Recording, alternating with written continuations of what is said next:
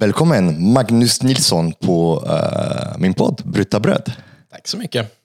Jag är så glad att uh, du sitter i mitt, uh, i mitt lilla hemmabotsköksstudio. Um, för att uh, jag har så himla många frågor ja, och tankar. Ja, det känns väldigt kul att vara här också. Äta lite gröt och snacka lite grann. Vilken press det är att uh, ha Magnus Nilsson på sitt bord uh, och, och, jag lagade lite gröt. Jag åt en av de godaste gröt någonsin när jag var en gång i tiden på Fäviken. Uh, Kom ihåg, inte bara platsen, alltså själva, ja men det, det, är en av de rätterna som man kommer ihåg. Man kommer ihåg pilgrimsmussla, havskräftan och gröten. Ja, var det med mossbuljong eller? Ja, alltså, ja, på. för du ser, jag vet inte om du märkte, men jag hade fermenterat och det är så blötlagt i två mm. dagar. Och, och, uh, han fick en gröt med en uh, naket korn och svedjeråg som odlades tillsammans. Så att, uh, jag, jag behöver inte presentera dig.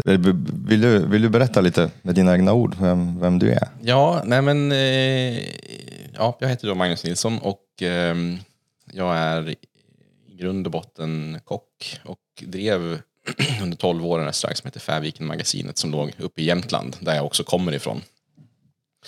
Och ehm, eh, fram tills att jag stängde den restaurangen 2019 så har jag egentligen bara jobbat med mat och service och vin. Och eh, efter att restaurangen stängde då hade jag tänkt att jag skulle öppna en till restaurang. Och så ångrar jag mig. så det har jag inte gjort än. Men vad jag gör idag är att jag driver eh, en ganska stor eh, ekologisk äppelodling. Mm. Och eh, vi producerar frukt. Både för produktion av drycker och för att äta. Och det som är lite speciellt med det vi gör är att vi, vi odlar liksom bara för smak. Vi odlar inte för att äpplet ska se ut på något särskilt sätt eller för att det ska liksom passa Eh, e EUs handelsnormer och alla de här sakerna som man egentligen som primärproducent måste förhålla sig till. Utan vi odlar bara för bästa möjliga smak. Det låter eh, väldigt aktuell. Ja. Att tänka på smak och ja. alltså, egens, de, de där egenskaperna. Ja. Fan, jag glömde en sak. Ja, en ganska viktig sak. Ja, just ett jobb också. Ja, men du, ja, precis. Du har, du har olika keps nu. Vi har en fler kepsig. Ja, det var äppelodlarkepsen. Mm. Nej, men, eh, det jag ungefär på halvtid. Eh, och sen den andra halvan av min tid så eh, är jag ansvarig för en, en stor allmännyttig stiftelse som heter Stiftelsen Kurt Bergfors som delar ut ett mm. jättestort miljöpris som heter Food Parent Prize. Mm. Och det är inte världens största jo, det är, priset. Det, typ. det är världens största miljöpris. Är det. Mm. Eh, det är ju speciellt, bara det. Men det som egentligen är mest speciellt med det, det är att eh, det kan bara gå till projekt inom matsystemet. Eh, och det går primärt till eh, projekt som inte har lyckats än. Vilket liksom egentligen låter mm. ganska självklart. Men de flesta priser funkar inte så. De flesta priser ja. de ger pengar eller uppmärksamhet eller ära till någon som redan har gjort något som man vet funkar. Mm. Och Food Planet Prize försöker hitta de som liksom kommer förändra världen om de får en chans bara. Okej, okay, det är de som inte investerare tror på? Ja, ibland kan det vara ja. det. Ibland så mm. kan det vara att någon har trott på dem att det behövs lite mer och sådär. Det finns liksom lite olika mm. om man tittar på gamla vinnare. Ja, jag får helt enkelt ta av och sätta på de olika kepsarna under ja. olika delar av samtalet idag. Men du, du, du har inga fler keps än så? Hur, hur är det med, var du inte med MAD? Eh, är, det, är du kvar jo, där? jag har en 20 procentig keps kvar där också. Aha, det är klart du är kock, du jobbar inte 100 procent, du ska jobba 120 procent såklart. Ja, nej, men när jag stängde restaurangen så då eh, fick jag ju ett jobb, ett fantastiskt intressant jobb eh, från stiftelsen MAD i Köpenhamn då, som alltså är Nomas utbildningsstiftelse. Eh, och mm. det jobbet gick ut på att utveckla MAD Academy som är den skolan som man driver idag. Då. Mm. Och eh, när jag tog det här jobbet med ja, Food Planet Prize då blev det liksom för mycket att vara kvar och vara ansvarig där också. Så jag, jag är inte det längre. Eh, utan jag hjälper till lite grann där nere när det, när det behövs med olika saker där jag kan tillföra någonting. Och det, det blir någon, någon dag i veckan så där ibland. Liksom. Låter som ett eh, fantastiskt arbetsliv, kunna få pendla mellan, mellan natur, odling, hålla sig till mat, utbildning, ja. rädda världen. Det ja. är så... Ja, men det är otroligt intressant. Ja. Alltså, det är ju extremt privilegierat att få jobba på det sättet. Liksom. Det, det är det. Och sen eh, ser jag ju samtidigt att för min del så är det nog det är en, det är en absolut förutsättning för att jag ska kunna jobba med de här eh, alltså, man säger kontorsjobben. Då. Mm. Det är ju också att jobba med händerna en ganska stor del av tiden, annars går det liksom inte. Det var en period efter att vi stängde där när det var pandemi och grejer, när jag liksom inte gjorde någonting praktiskt utan bara jobbade med en dator. Eh, och det, det funkar inget vidare. Liksom. Så, Ja. så att jag, jag behöver ha de här olika grejerna för mig. Fan vad härligt. Axel Storps. Ehm, eh, det är viktigt med sista s -et. Ja, annars hamnar man utanför Kristianstad. Annars hamnar man, precis. Och det, det gjorde jag. så att jag, det, är, eh, det är bra. Man måste, jag är sån där som lär mig genom att göra. Så att eh, det är, men kan du berätta lite grann om eh, äppel, äppelodlingen? Och eh, dels, jag förstår att det har varit en, en längta efter, eh, efter Skåne för att din, din fru kommer härifrån. Och eh, att lämna Jämtland, jag vet att det är inte lätt för en Jämte. för man älskar ju Jämtland. Så att, eh, men hur, ehm, hur är det med, med äppelodling? För det, jag förstår att det är en bransch som är i kris. Ja. Eh, Det finns otroligt mycket eh, processer som rör sig i bakgrunden som kanske slutkonsumenten inte anar. Eh, och vilket gör att man hittar knappast ett god ekologisk svensk äpple i Sverige i en affär. Nej, men så är det. Kan du förklara lite hur det går till? det här kommer bli ett långt svar. Nej, har- vi har tid, vi har all tid i världen. Om man börjar med Axel Storp då, så precis som du säger, Tove är från Skåne, hon är från, eh, från liksom nordvästskåne och det har liksom alltid varit hemma för henne. Och jag har också alltid trivts väldigt bra där. Jag jobbade ju i Torekov efter att jag gått ut gymnasiet på en restaurang som heter Kattegatt gastronomi och logi. Som var jättebra på den tiden. Ehm, och eh, jag har liksom också på något sätt alltid varit på väg dit. Ehm, så även om många kanske uppfattade det som lite dramatiskt när vi skulle stänga restaurangen och flytta ner oss, så var det inte riktigt så för oss, utan det var ju som, hade alltid varit en del av planen. Och sen eh, var det inte helt självklart när det skulle ske bara. Och eh, Axelstorps fruktodling, det är en eh, otrolig plats. Alltså, det, är en gammal fruktodling, den är planterad på tidigt 40-tal. så som man, så, så, som man eh, gjorde då. Så det är, om man stänger ögonen och blundar och liksom tänker fruktodling framför sig, då ser man våran fruktodling. Det är liksom riktiga kronträd, det är grönt överallt, det är otroligt djurliv och insektsliv där. Eh, Och det är väldigt, väldigt långt ifrån hur moderna produktionsfruktodlingar ser ut idag, där eh, träden liksom planteras på väldigt svagväxande grundstam med litet rotsystem i häckar och det är liksom stålvajrar och grejer överallt. Och, eh, glyfosat rensar på marken och liksom droppbevattning och allt sånt där. Det är något, som något helt annat. Då. Och eh, det som gjorde att vi köpte det här stället, eh, det var liksom att vi blev förälskade i platsen. Inte att jag hade någon eh, långvarig dröm om att jag skulle bli äppelodlare. Alltså, sen är jag väldigt trädgårdsintresserad, alltså, jag älskar odling. Men, eh, men det var inte det som var planen. Och, och, och det var liksom en rad händelser som ledde till att det blev som det blev. Och då var det bara till att lära sig mer om den här äppelodlingen. Då. Och det som var våran plan från början, det var att producera det som du säger att man inte hittar i handeln, nämligen ekologisk bordsfrukt, då, alltså äpplen att äta. Ehm, och det började vi med. Så första året som vi eh, drev den här började vi göra en omställning till eko. Och eh, vi körde ett fullt ekologiskt skötselprogram. Eh, intensivt ekologiskt då. Med eh, ganska mycket gödsel och allt som man får liksom spruta och så i en ekologisk odling vad det gäller eh, ja, eh, växtskydd och sådär. Och, och det blev liksom okej. Alltså det blev okej frukt.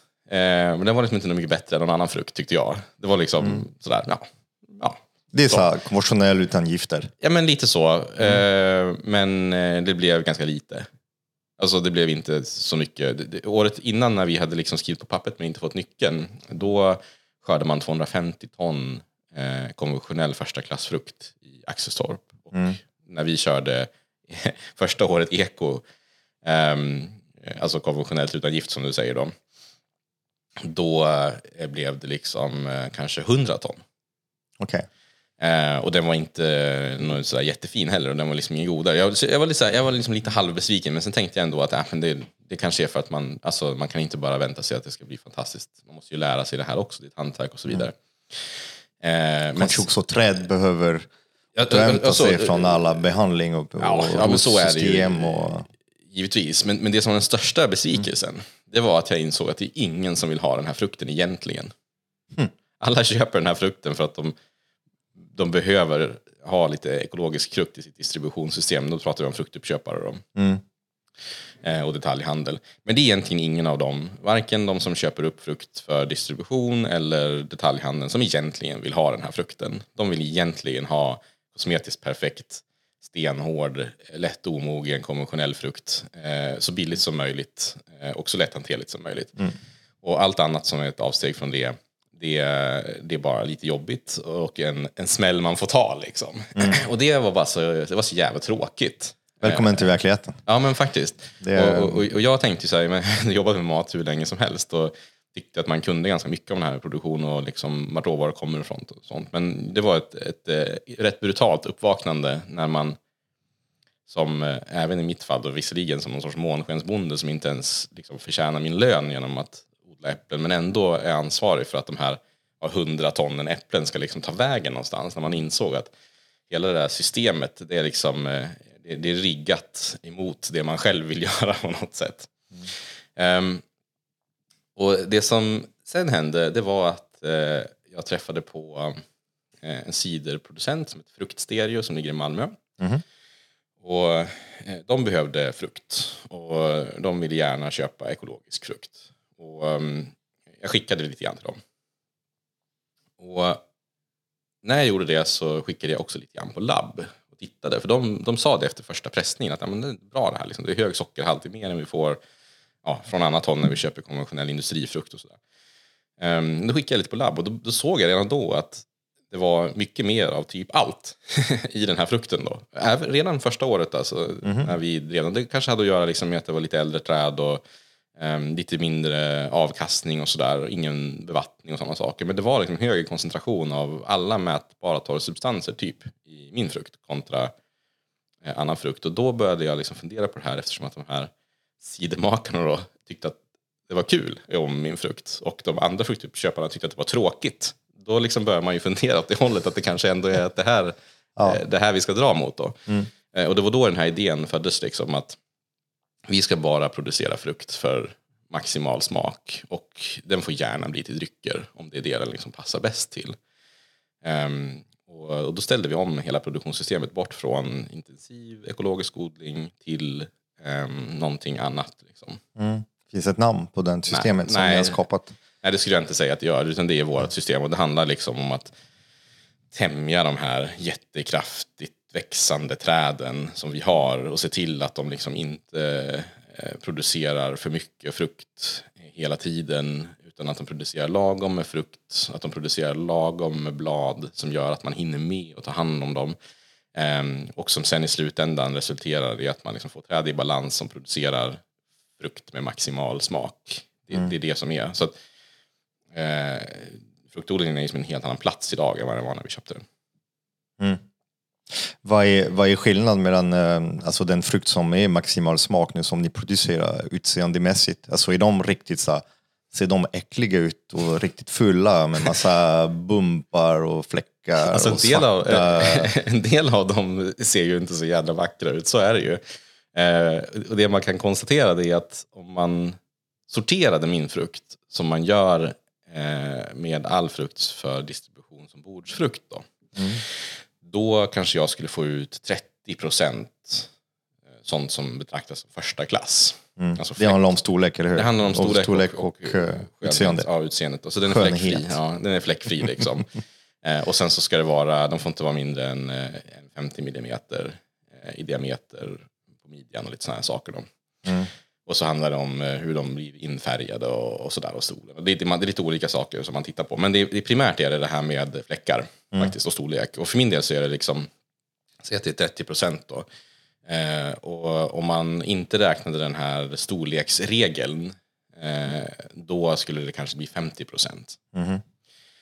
Och då kan man tänka sig att de andra 50 procenten och och det här med storleken det är för att jag inte gödslar frukt. Jag jag gödslar inte med någon kvävegödsling utan vi gödslar bara med eh, liksom finkalibrig träflis och kompost och sådana saker. Så det blir liksom inte kvävet som krävs för att växterna ska svälla upp så mycket. Mm. Och det måste påpeka och flika in att klassisk fruktodling måste pumpa in mycket gödsel för att frukterna ska bli extra stora för att Ja. få så mycket stora godkända frukter som Ja, möjligt. precis. Alltså det är ett slags tekniskt system och kväve är ju inte så bra att stoppa i mark eh, för att det släpper ju det lä- det släpper lustgas och det hjälper till övergödning och för det är, ofta, det är sällan trädet kan, kan inte ta upp allt. Ja, som det är ju en dos- doseringsfråga det där då. Och där just i fruktodlingarna, de modernaste fruktodlingarna, de är ju liksom droppbevattnade med, med lösligt kväve i vattnet och sånt. Och där tror jag inte man har så stora problem med att det blir avrinning och så, eller att det liksom går upp i atmosfären. Men, men däremot så leder det till att frukterna blir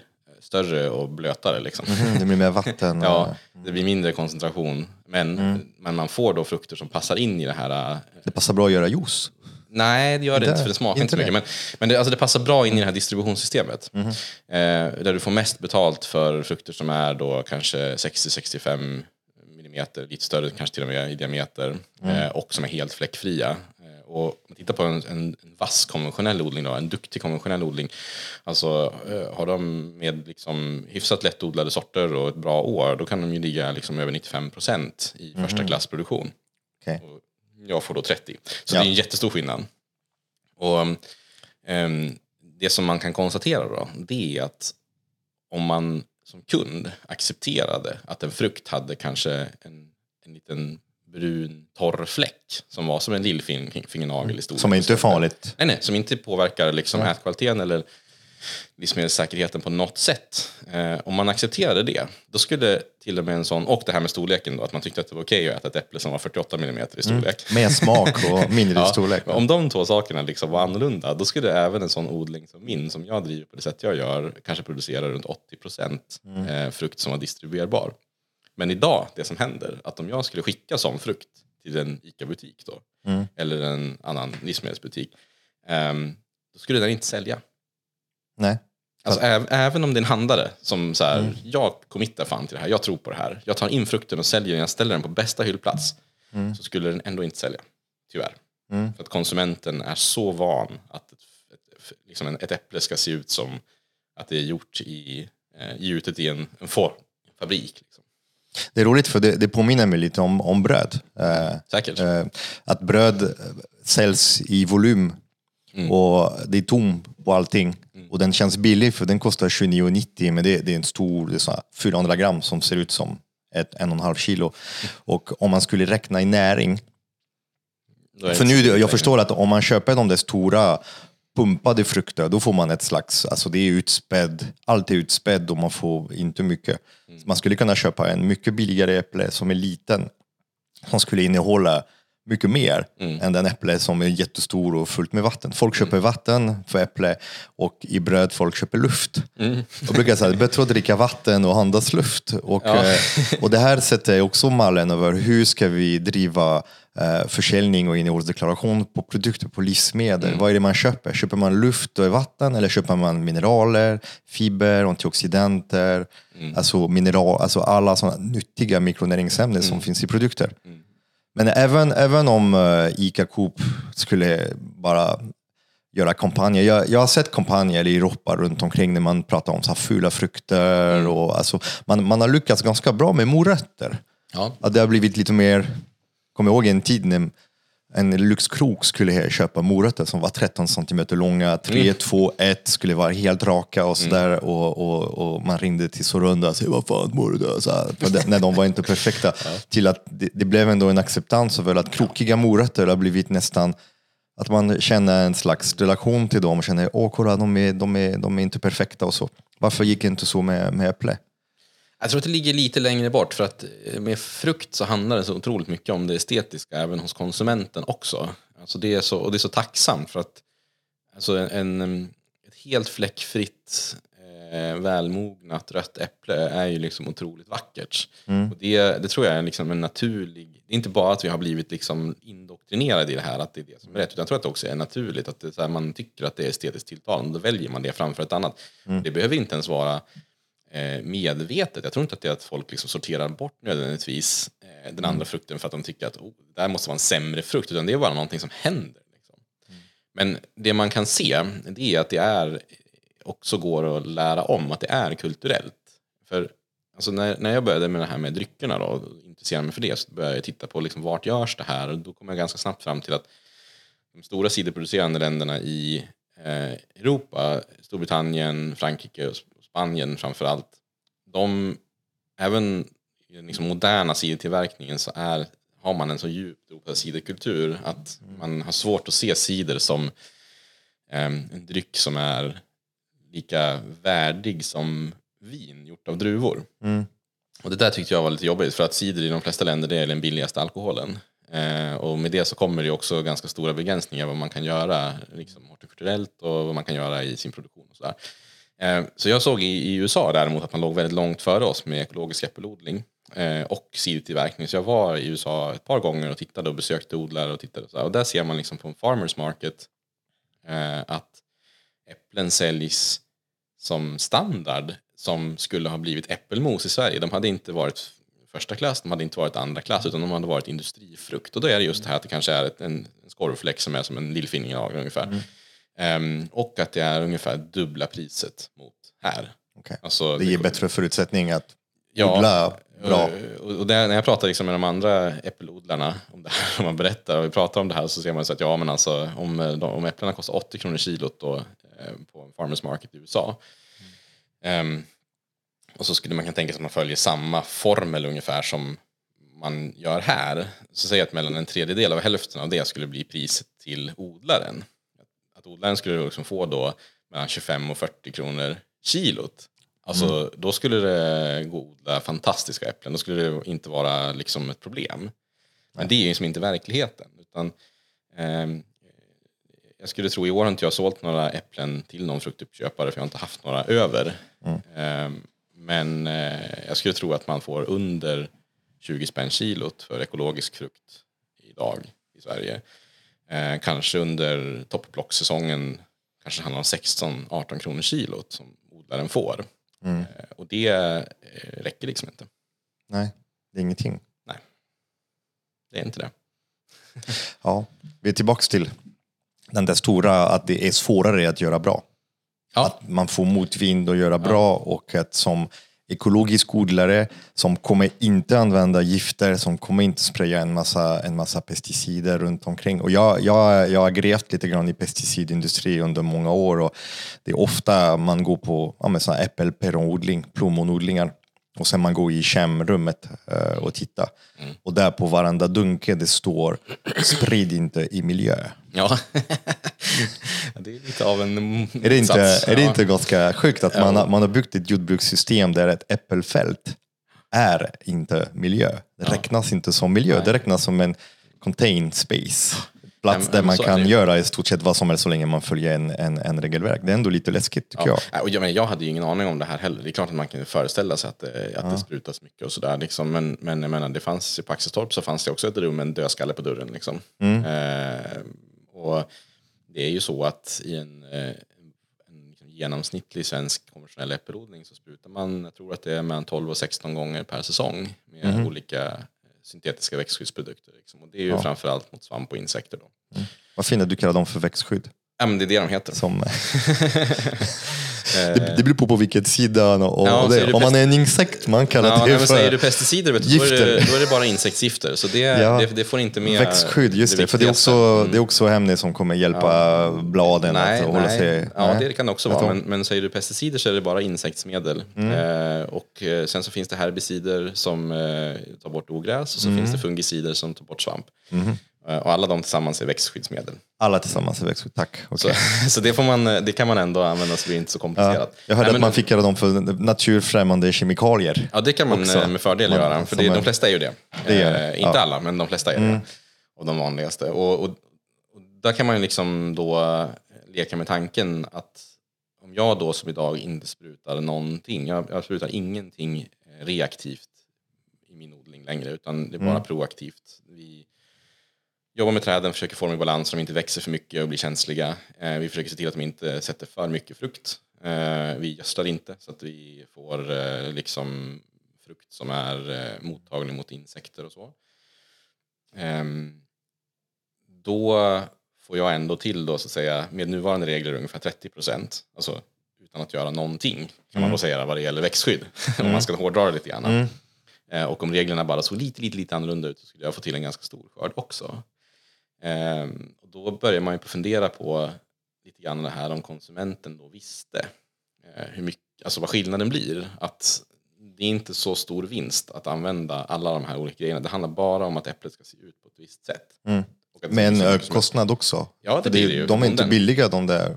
Men det blir ju, det blir ju en högre lönsamhet i en sån odling idag om man liksom följer marknadspriserna och sånt där. Så är det. Eh, och, och ska man också tillägga att menar, jag har varit runt på ganska många äppelodlingar i Sverige och folk är jävligt duktiga. Alltså jätte, extremt duktiga, även konventionella odlare i Sverige. Alltså de, de allra bästa äppelodlarna vi har i Sverige är konventionella. Eh, och um, någonstans där så tror jag att om de i slutet sen fick välja mellan ett system där de kunde spruta två, tre, fyra gånger med samma medel bara för att undvika de allra största liksom, skadedjursangreppen och liksom se till att det inte blev totalskada på skörden på grund av till exempel äppelskorv. Då. Men att man fick eh, någon liten fläck ibland och att det var accepterat så tror jag att även de skulle välja det framför att spruta 12 till 16 gånger för att man ska få den här kosmetiskt helt perfekta frukten.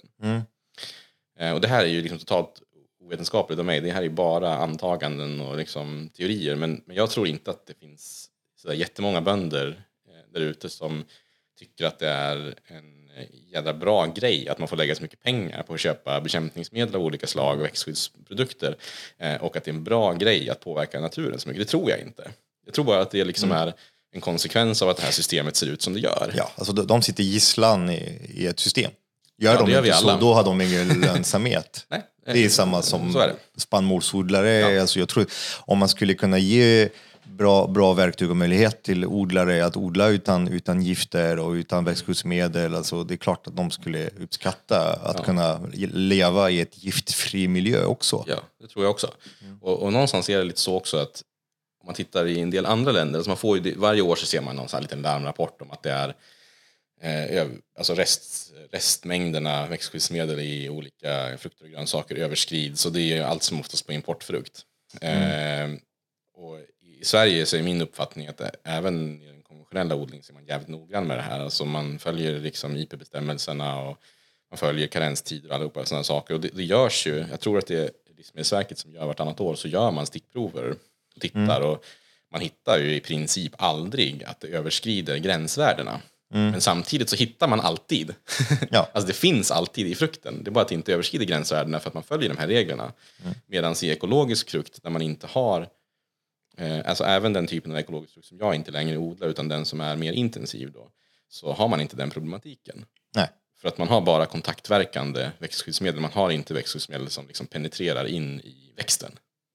Så att där, där har du inga rester. Så att oavsett, tänker jag då, om man är intresserad för det här liksom för miljöns skull eller om man liksom vill ta det ehm, ansvaret som individ så kan man också åtminstone få veta att det är så att även i den konventionella frukten som håller alla regler och som sköter sig så finns en risk att det finns liksom rester kvar.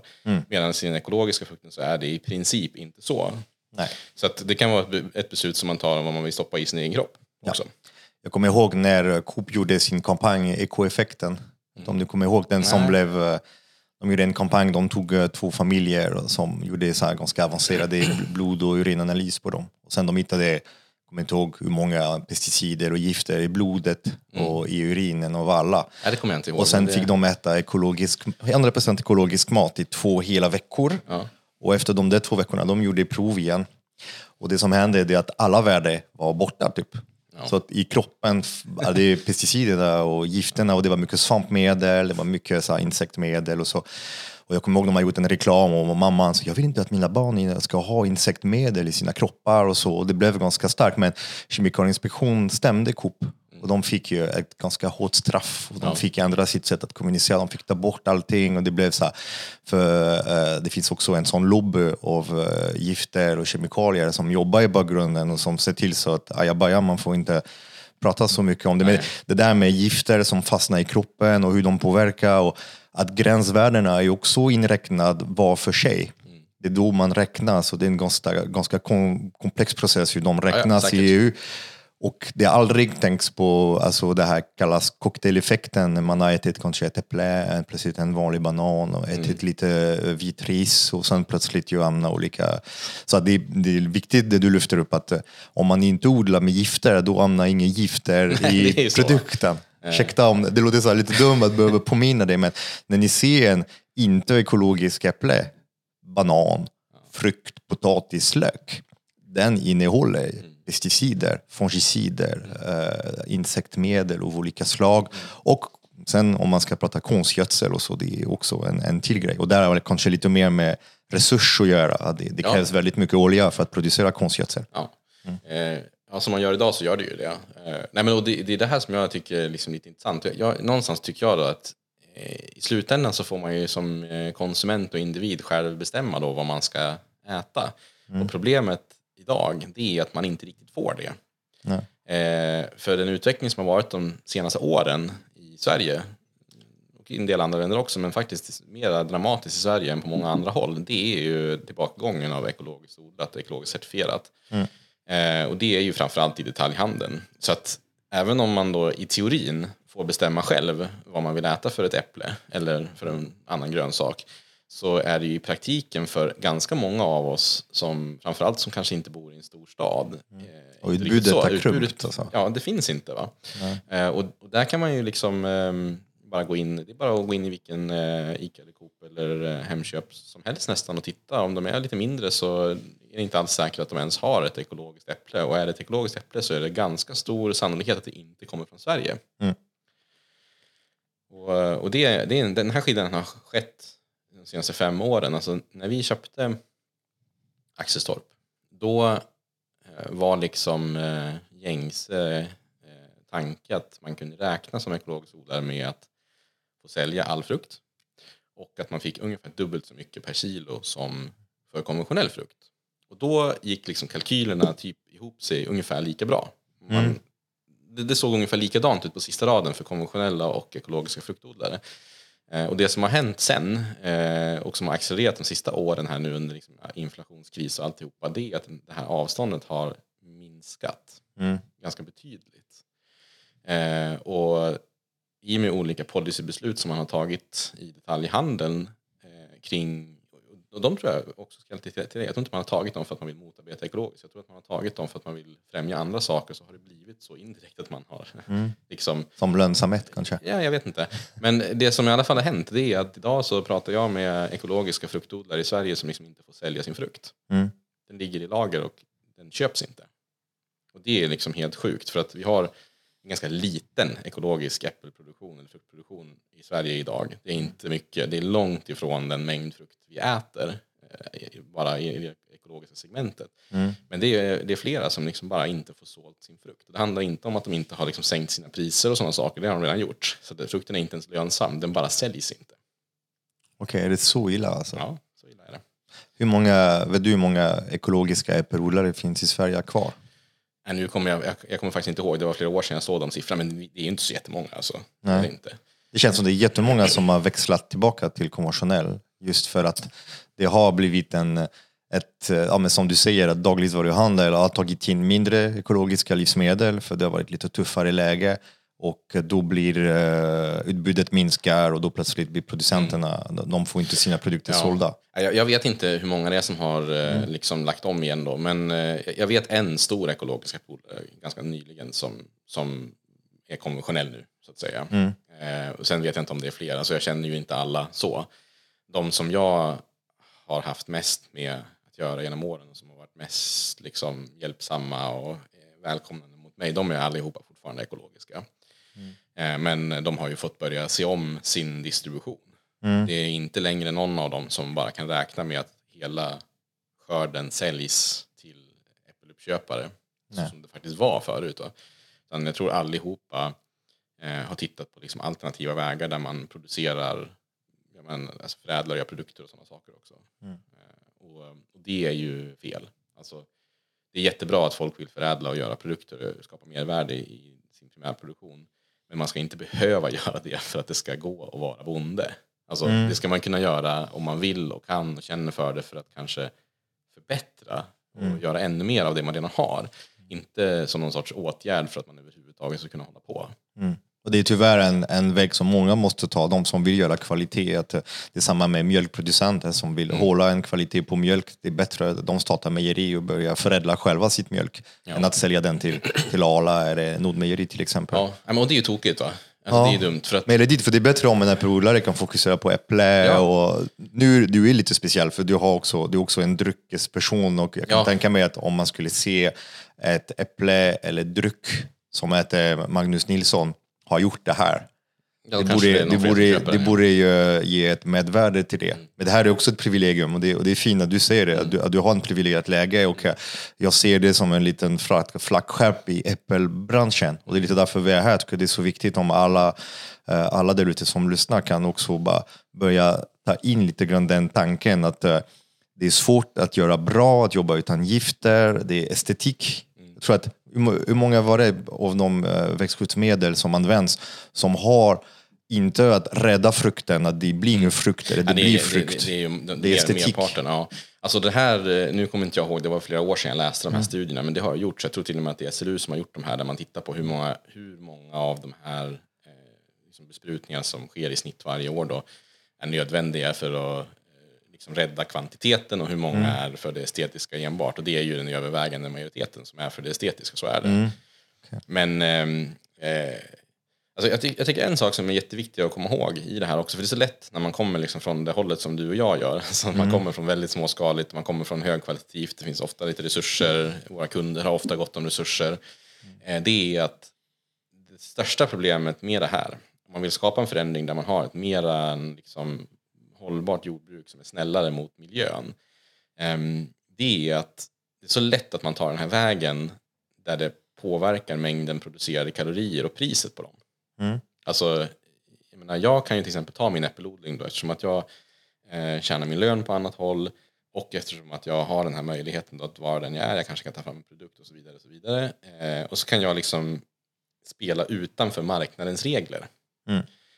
Och det kanske för mig är positivt, men på det stora hela är det negativt. För att det är 100-200 ton av frukt för distribution i vårt livsmedelssystem som försvinner ur marknaden när jag gör så. Mm. Eh, och om marknaden liksom gör som den har gjort de senaste åren och trycker ut människor som vill producera ekologiskt, eh, människor som vill producera högkvalitativt från marknaden då med de spelregler som finns. Så att de alla blir såna här specialproducenter som gör, alltså mejerister som gör yoghurt istället för att sälja sin mjölk till Arla och alltihopa det. Då, eh, då får man ingen stor systemförändring. Mm.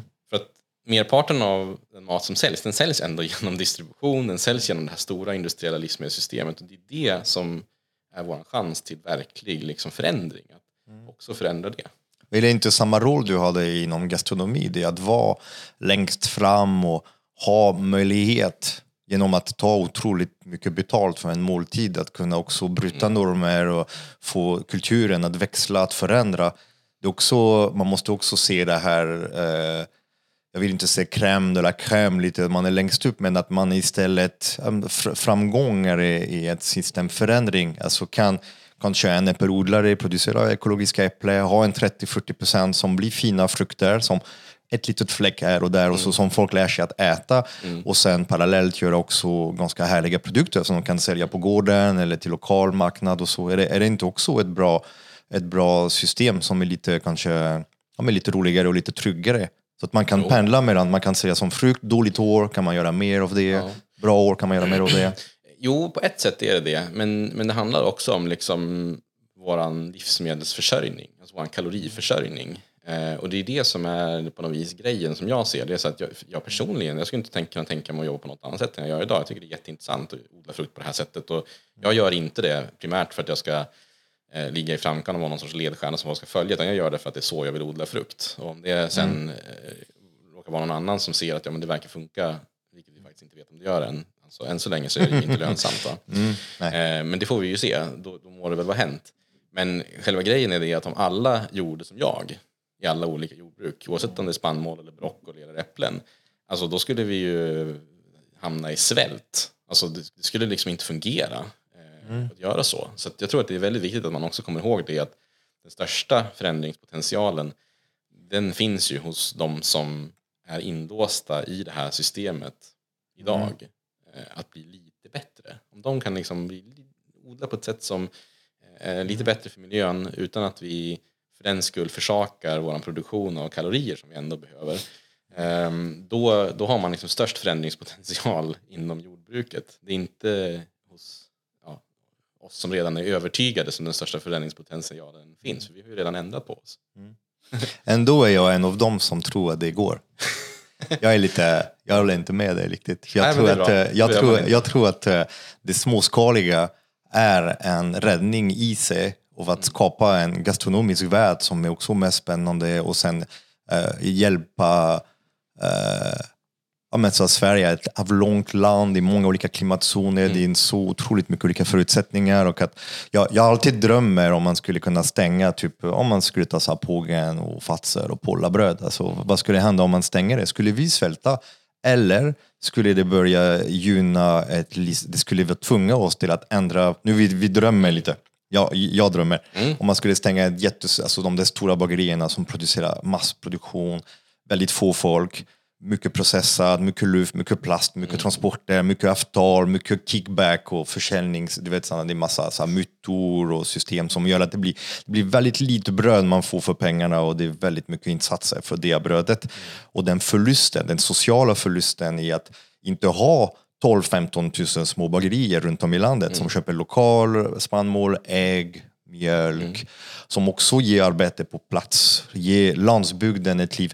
Tänk om man skulle ta ner lite. Nu jag, jag tittade på, alltså det finns en äggproducent nu, det, nu det är äggkatastrof just nu det är, och kycklingkatastrof igen. Precis.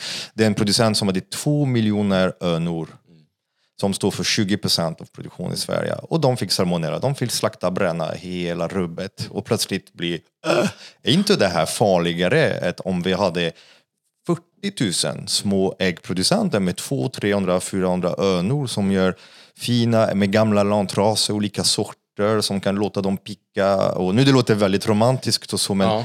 är det verkligen, jag, jag ser inte svält, jag skulle se biologisk mångfald, sysselsättning, Ja, men, passion, eh, jag- stolthet. Jag tror det liksom det är både och det där. Mm. För att eh, verkligheten är ju, hur man än vänder och vrider på det, att eh, det moderna jordbruket som vi har idag producerar ju mer kalorier i förhållande till sin insats än det gjorde tidigare. Alltså, så- Mm. Så är det ju.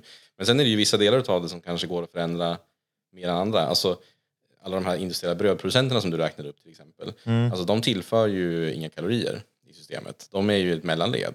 Eh, Mm. Men om du pratar om spannmålsodlarna så tror jag att eh, det skulle bli mycket svårt att helt och hållet ta bort liksom det, eh, det storskaliga spannmålsodlandet utan att det skulle få enorma konsekvenser för liksom, gemene man. För det är, spannmål är i princip det enda sättet som vi, vi har i vårt klimat där vi kan faktiskt trygga en befolkningskaloriförsörjning på riktigt. Då.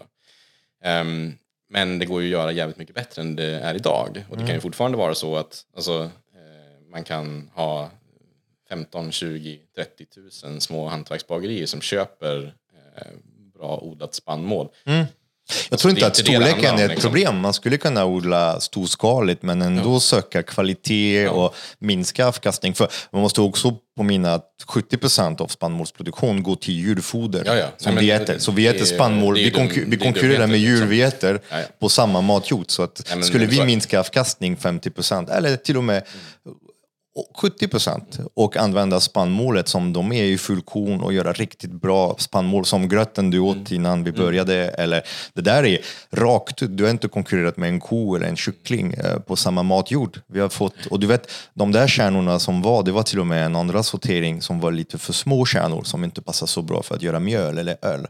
Så att det här är också ett spannmål som hade inte klassats som, som Nej, livsmedel. men det, det, det är, alltså, i, I teorin så går det att göra och det, det, det gör det säkert i praktiken också. Men det sker ju inte Mm. utan konsekvenser.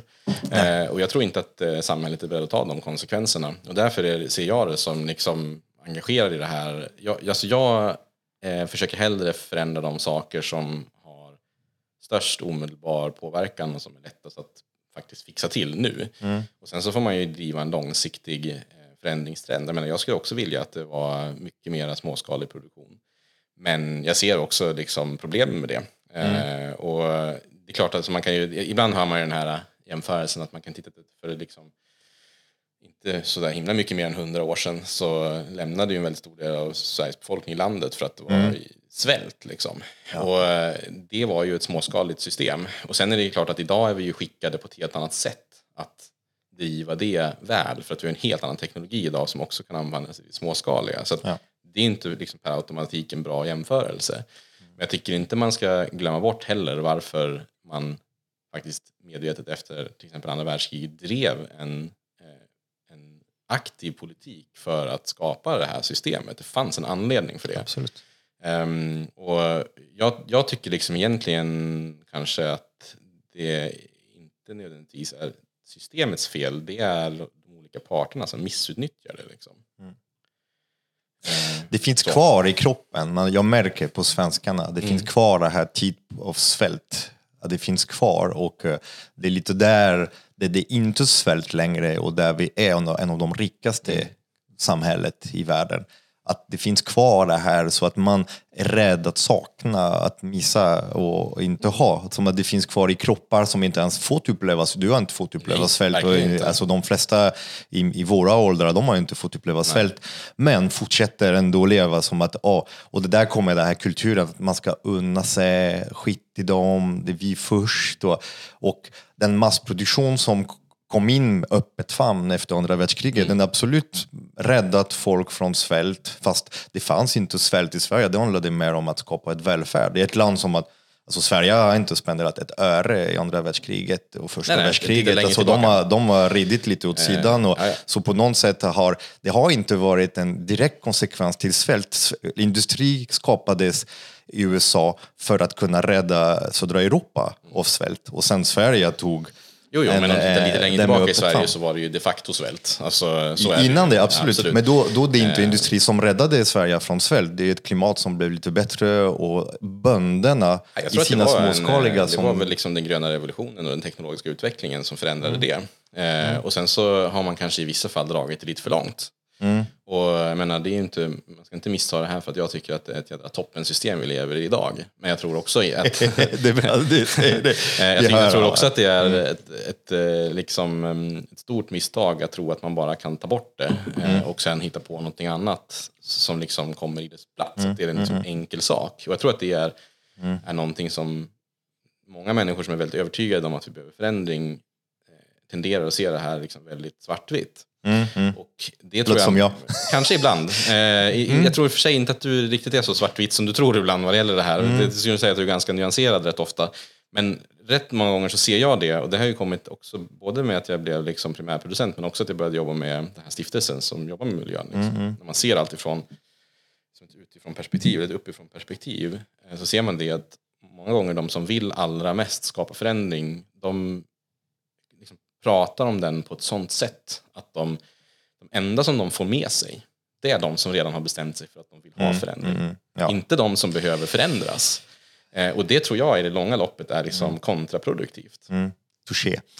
Det är absolut, absolut så. Och jag, ibland jag känner det också själv. Och jag, jag är inte så nyanserad för att jag, jag har den också primär, jag har inte varit primär, primärproducent någonsin men jag har varit väldigt nära de primärproducenterna och jag känner den här, den här rädsla för framtiden, den här oro, den här mm. ångest, den här känslan att inte räcka till, inte vara bra nog. Mm. Och, Alltså jag, jag, varje år jag går till SM i mathantverk och jag mm. ser fantastiska mathantverkare som gör premiumprodukter som om och om utsätter sig till att sätta sina produkter på ett bord med mm. människor som ska testa dem. Och för de hoppas på, tänk om jag kan göra min ost lite godare, mm. då kanske kommer alla förstå och så. så det är också, i mig bor, jag är som en svamp, så i mig bor all det här eh, frustration från alla dem mm. som jag försöker förädla till någonting konstruktivt. Mm. Men det är klart att ofta det leder till att, ja, det är fransmannen i mig, jag är lite så här, revolution och traktorer. Och, och, jag vet inte, på, på ett sätt tror jag att det finns en plats för det också. Ja, det och sen att finnas. det är kanske inte jag som ska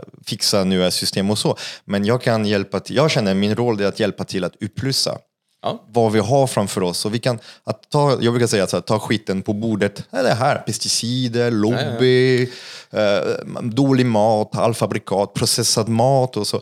Och Okej, okay, det där har vi.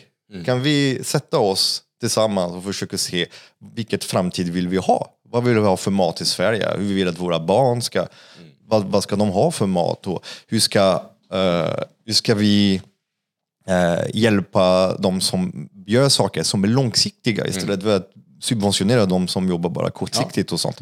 Nej, men jag, jag tror det. Jag menar, alltså det, jag är ju intresserad av liksom, global systemförändring. Det är den enda anledningen att jag liksom jobbar med den här stiftelsen till exempel. För att jag ser att det finns en liten, liten, liten, liten del i det som jag kan spela.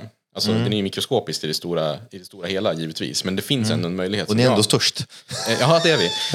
Eh, men, men, och, och den, den, den, den hade man ju i någon mån som kock på Färviken också, fast så tänkte jag aldrig på det på det sättet. Utan det, det här är mycket, mycket mer aktivt. Eh, liksom ett aktivt val från min sida. Det handlar ju inte om mitt liksom, primära hantverk eh, ehm, längre, utan det handlar om någonting annat. Och, och det, det har bara varit eh, det är jätteintressant och jag har insett att ja, alltså jag fick den här chansen eh, av massa olika konstiga omständigheter som liksom hände, livet hände.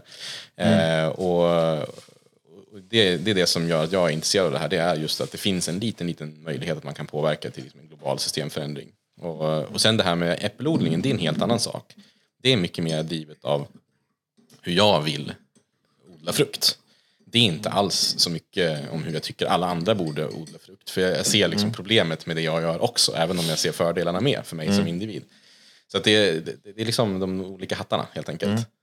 Och det är lite det du gjorde med, med Fäviken. Alltså, tänk dig, du, du får inte underskatta det du gör, för det du gör är, är rätt många som tittar och som blir inspirerade och som ser upp till dig och tänker att, eh, för det är, det, eh, det är många som började laga, laga mat som dig, uppskatta mat, typ på den här nordiska maten. Alltså det har varit en, en stor del av varför nordisk matkultur har blivit så himla, eh, så himla känd i hela världen.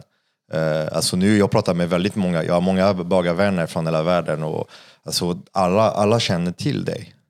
Ja, och det är ju egentligen Är det inte, jättekonstigt, är men det inte också fantastiskt. skitcoolt? Ja men, men det är det, alltså från, från Järpen, du har lyckats ju inspirera hela världen och eh, visa blicket mot Norden som att vi i Norden har en slags god förutsättning för att kunna inspirera hela världen. Alltså det är ofta man tycker att vi är lilla Sverige, vi påverkar inte så mycket. Och, och det är lite det som gör mig förbannad när jag ser alltså, nordiska restauranger som använder den här klangen som du eller så Daniel Berlin och alltså sådana stora kockar som har verkligen ägnat sitt liv till att ja, men, skapa ett mat som återspeglar den platsen man är.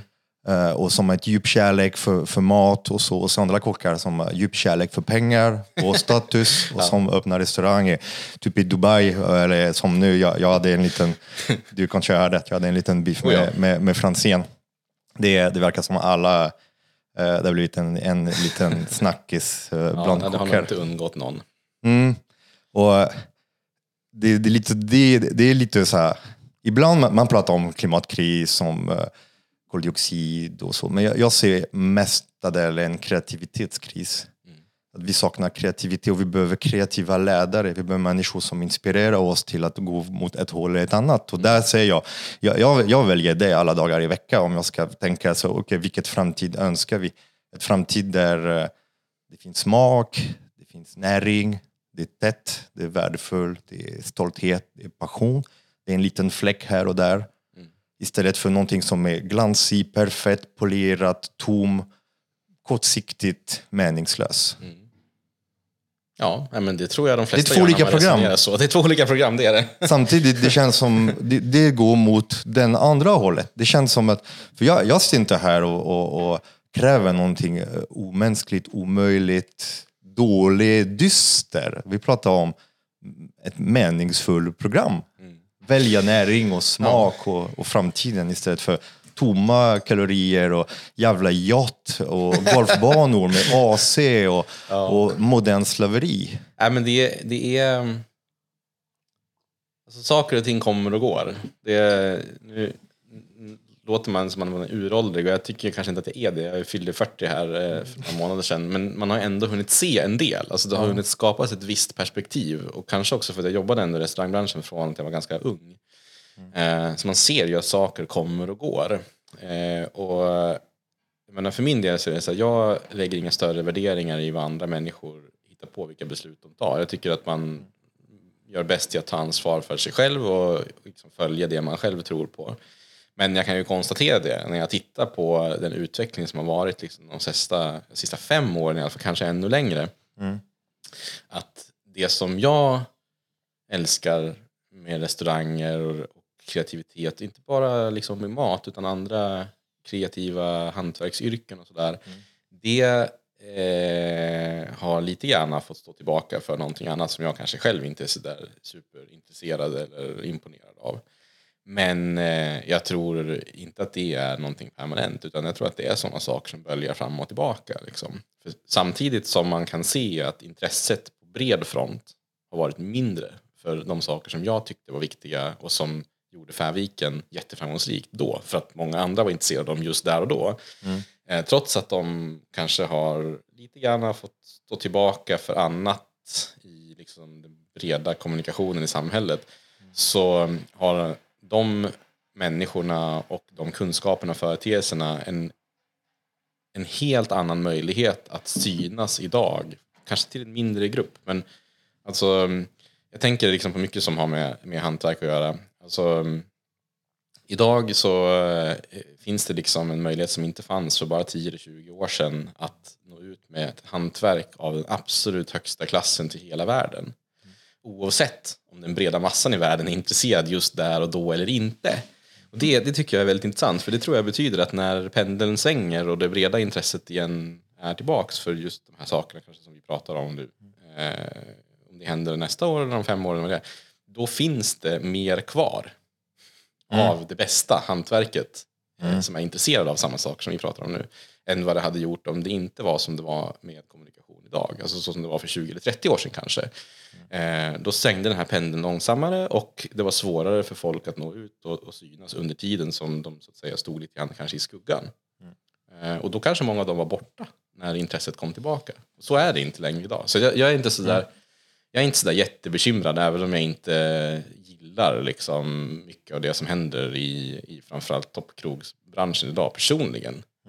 Så, så från ett större perspektiv är jag inte så bekymrad över det heller faktiskt. Nej. För det finns ändå en rad lyxkrogar, två, trekärniga, som ändå satsar på hållbarhet och som verkligen Ja. gör stora. Jag såg Och som är Eleven, framgångsrika. Eleven Madison alltså, som plötsligt ska gå vegansk och alltså, det finns väldigt många, alltså, tillbaka till Paris på 80-90-talet. Jag, jag har alltid känt att ändå två, trekärnig restaurangkåren, den har, de har också en funktion av att inspirera och visa vägen och vara alltså, kreatörer och bygga en, en värld som känns spännande, som man kan få uppleva sen i, i men- form av det ju. upplevelse. Och Det gäller ju inte bara mat, det gäller alla former av hantverk, konsthantverk och kreativa hantverk. Att det finns alltid ett intresse för det allra, allra bästa. Det gör det. Eh, Även om det allra, allra bästa i just din nisch är extremt smalt där och då på grund av liksom samhälleliga intressen så finns det liksom alltid ett intresse för just det bästa. Och det är det som jag ofta tänker på ändå, att det är eh, liksom fint. Eh, och, och sen just det här med att öppna många restauranger och sånt där, jag menar det är ju upp till var och en vad man tycker är viktigt. Ja, ja, absolut. Eh, och, och, och någonstans så får man ju följa sin moraliska kompass då. Men eh, för min del så, jag menar det faktum att jag inte eh, har någon restaurang någon, annan, någon annanstans i världen, det kanske säger en del om hur hur jag personligen känner för det. Men sen som sagt, vi vet ju inte. Det enda vi vet det är att vi inte vet vad som är rätt förrän det är klart och det är det inte nu. Ja, vi vet att vi inte vet. Ja. det är det Så är det. som gör oss så, så levande. Eh, och det är lite, lite så. Det är en kritik som jag får ofta över att om, om du är så bekymrad, så varför, varför har du inte ett bageri då och, och försörja folk med bröd och så. Men jag märker att eh, ibland att inte ha ett verksamhet ger också en frihet att kunna få med, vara mer kreativ, mer innovativ och ta mer risker. För Eftersom man har inte en kår med ansvar med människor som Nej. man måste bära ansvar med sig. Det är skönt Ja, men- att vara fri. Ja, ja men det är det i, i någon mån. Och sen så, ja, men jag tänker också så här.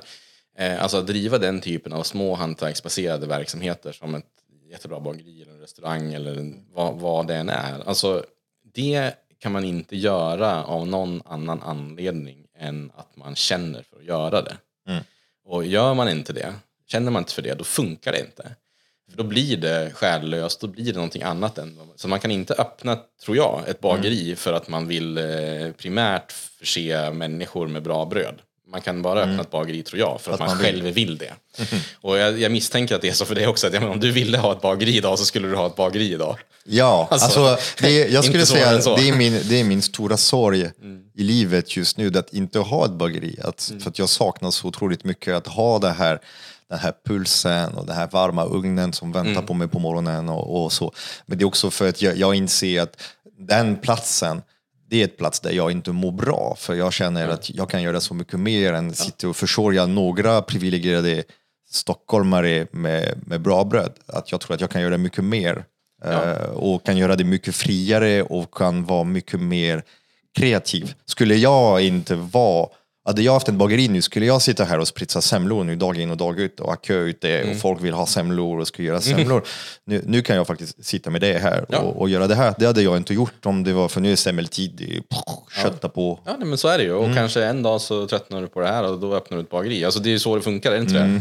Alltså i världen. Den planen finns. Ja, det- det någonstans. tror jag säkert. Ja, har du inte en sån plan att Eh, kanske jo, ha en alltså, liten, eh, ett litet, ehm, En liten restaurang. ja, men inte, kanske inte en restaurang, men kanske ett bord. Ja. Där, där du lagar mat alltså, för vissa folk. dagar eh, tänker jag att eh, det vore kul. Alltså, jag saknar att ha gäster. Eh, Mm. Så är det. Men eh, vissa dagar känner jag att eh, jag inte är så sugen. Så det kommer och går det där. Liksom. Mm. Och det var ju i min plan efter att vi stängde Färviken att öppna en ny restaurang. En stor restaurang. Alltså Mm. eh, samma typ av liksom, satsning som kanske till exempel Noma gjorde när de byggde Noma 2. Liksom, Okej. nya. Eh, och det var ju liksom nästan klart. Men sen ångrar jag mig. Eh, Mm. och, och kände att nej, men jag vill inte göra det här. Liksom. Jag, vill inte, jag vill inte hålla på med det här just nu och på det sättet. Och, och då hade jag liksom inte kommit så långt att det inte gick att ändra på. Ehm, så då drog jag i handbromsen. Och ja, det finns ju fortfarande ingen restaurang och jag är otroligt glad över att jag inte hoppade på det projektet. För det hade varit, eh, även om det hade varit säkert skitintressant och jättekul att bygga ett sånt fantastiskt hus som det hade inneburit och liksom dra igång allt det där så hade det ju blivit samma sak som Färviken en gång till. Och det fanns ju liksom ändå en anledning att jag inte Det är redan gjort. det är redan gjort. Alltså jag var redan klar. Jag slutade ju med det för att jag inte ville hålla på med det längre. Och, ehm, och det, det såg man ju inte då. Jag såg inte det, att det kommer bli samma sak igen. Men idag ser jag att det hade blivit det. Så jag är ju jätteglad över att eh, det blev så. Liksom att jag eh, tog det beslutet. Och nu känner jag ingen större stress över det heller. Utan blir det någon fler restaurang så blir det det. Blir det inte det så finns det väldigt mycket andra saker man kan ägna sig åt i livet som är jäkligt intressanta. Ble, blev det dyrt att dra om bromsen? Nej, det blev inte så dyrt. För Det att det var inte så, det var, det, det var väl några ritningar och lite sånt som, eh, Mm. som man fick betala. Men, men det var ju inte, det var inte så långt gånget att det liksom, det var inte någon grävskopa som hade börjat skrapa i backen Mm. om man säger så. Det, det är fint att du säger det, för du säger att eh, för att ha en restaurang, öppna en restaurang, man måste vilja det. Öppna ett bageri, man måste vilja det. Och att ofta man har ett system som man känner att man måste hänga med, men man måste inte. Nej. Och det är också väldigt, eh, tycker jag, det är en av de delar som har inspirerat mig väldigt mycket när jag, när jag tittar på di- din resa. Att just att jag har gjort för Viken, stängt den, stängt kapitel, skrev en bok, stängde av där, flytta och sen nu bara så nej, jag gör inte vad alla förväntar mig att jag ska göra, jag gör vad jag vill göra. Och jag tycker att det, i den här identitetskris och den här kreativitetskris, det är ett väldigt stort budskap att få ut det är någonting som jag tror väldigt många behöver höra. Att eh, följa sitt hjärta, följa sin intuition och inte göra vad man förväntas göra. Ja, nej men alltså det, det har varit, för mig har det varit viktigt. Och jag har, det är väl, så här, man kan ju prata om att man, man har det här privilegiet och att man kan vara tacksam för vissa saker. Det är en sak som jag är tacksam för. Det är inte någonting som jag har liksom nödvändigtvis ehm, skapat själv alla gånger. Utan det är någonting som liksom har uppstått tack vare att andra runt mig också har liksom tagit vissa beslut och sånt där. Och det är att jag har haft möjligheten att göra så här, att ta de här besluten. Alltså det tänker jag många gånger på, eh, lite färre gånger nu idag, för det har ju ändå gått några år, men många gånger har jag tänkt på det kring till exempel Färviken. Alltså, jag fick ju ta det beslutet för att det eh, fanns en förståelse för det hos Patrik och Ann-Charlotte eh, som ägde gården och som ägde verksamheten. Ehm, det, det var ju liksom alltid på något vis eh, underförstått, eller kanske också uttalat, att det inte skulle vara för evigt det där. Utan att det skulle vara så länge som det varade. Men jag hade väl liksom alltid tänkt att kanske var de som en dag skulle tröttna på att jag var där och höll på. Eh, i deras, på deras fina gård. Liksom. Är, det, är det så det blev? Alltså, tröttnade de? Nej, nej, nej. Och- Det, det, var, nej, jag, det var jag som... Det- det är du som tröttnade, Ja, okej. jag vaknade en Förlåt, dag och kände att bara- nu går inte det här längre. Liksom. Nej. Eh, Och det var inte det jag trodde skulle ske, utan eh, jag trodde att det snarare skulle vara tvärtom, att en dag skulle kanske de tröttna Mm, eh, på, på att jag var där. Eh, och att då liksom få den förståelsen och det stödet för att nej, men nu vill inte jag göra det här längre. Mm. Eh, och jag menar, det, den reaktionen som jag fick från dem, det var liksom 100 procent eh, så som alla borde få det egentligen. Alltså det fokuserades inte på så här, hur kan vi övertala honom till att fortsätta göra det här eller hur kan vi liksom eh, skydda vårt på bästa sätt. Utan det var så här, hur, okej, nu, nu ska vi inte ha det här mer. Hur avvecklar vi det här på ett sätt som liksom är ansvarsfullt och som inte sätter leverantörer på kanten och som inte liksom förstör det som ändå har gjorts här i tio år. Va? Eh, och det, det har man insett efteråt. Att, det, särskilt nu efter, alltså pandemin kom ju sen och det var ju många restauranger som fick lov att stänga. De kunde inte vara, finnas längre. Eh, så det var liksom ett dubbelprivilegium att man fick möjligheten att planera sitt eget avsup på det viset som jag fick.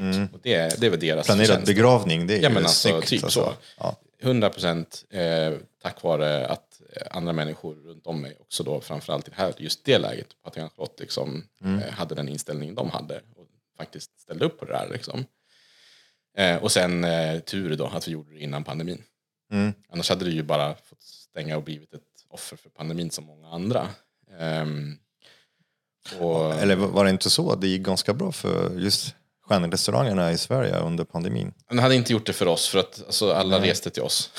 Ja. Mm. Lite svårt att ta sig dit liksom. Så det hade, vi hade inte klarat av det. Det vet jag. Okej.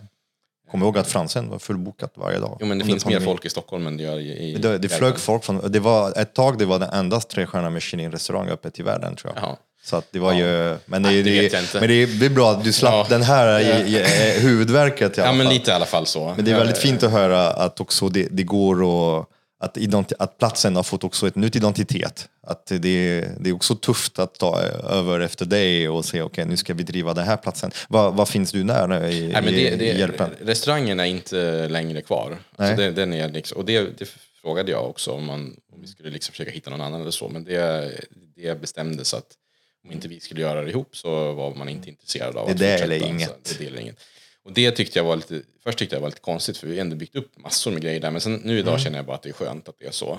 Ehm, Och sen så finns ju är ju kvar. Alltså jag har ju Ja. ingenting mer att göra men den Under, finns kvar. Den under jobbar chocker, ja men det, Eh, det är bageri, man glad. ja, och bageriet, Krus är fortfarande igång. Ja, alltså, du, har, du har inte lämnat platsen som ett begravningsplats heller. Du har lämnat en massa liv och Ja, aktivitet ja, men, och eh. Så. Och, och, och det lever ju vidare helt och hållet utan mig. Jag, menar, jag har ingenting med det att göra längre. Nej. Eh, Men eh, tittar ju förbi där ibland. Och så. Planterar ju- rätt frö. Ja, men lite så. Det är kul. Och, och sen så vet jag att det, ibland så är det öppet i restaurangen också. Jag menar, nu i julas såg jag till exempel att, eh, att det lagades mat där för Mhm. gäster och så. Och det är jättekul. Liksom. Mm, vad kul. Du slipper det här som jag får hela tiden. Som, eh, jag har varit på Petit France. Som, det är ett bageri jag startade 2007 som jag sålde 2011. Så jag gjorde det i fyra år. Eh, och så jag var på Petit France och det var inte så bra. Okej, 2000 jag, jag sålde det 2011, det är 13 år sedan.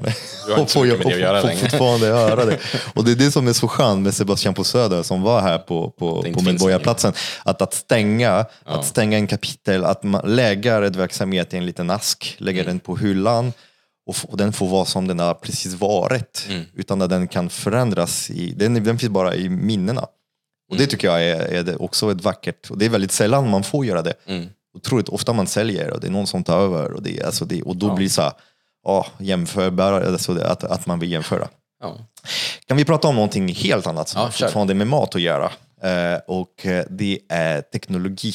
Ja. För du är med en, en sån, alltså världens största pris eh, som har med hållbarhet och som är kopplat till, eh, vi, visst är det kopplat till mat på något sätt? Mm. Ja, det, är bara, det har med matsystem, ja, eller hur? Och, och det är för att eh, det sätt som vi äter på idag och alla aktiviteter som finns runt det, hur vi liksom odlar och transporterar och tillverkar mat, det är Mm. också det som vi gör eh, som människor som påverkar miljön allra, allra mest. Eh, och det är ju också speciellt, för vi kan ju som inte, till skillnad från många andra grejer vi håller på oss som kanske ibland förstör, eh, så kan vi som inte bestämma oss för att sluta äta. Eh, och därför så kan då världens största miljöpris bara gå till eh, projekt som är aktiva i matsystemet. Ja. Och då min tanke och min undring det är hur du ser på den teknologiska vågen som håller på att blomma ut och explodera med så mycket investeringar och i allt som har med nya proteinskiftet, maskiner, 3D-printat kött och 3D-printade grejer.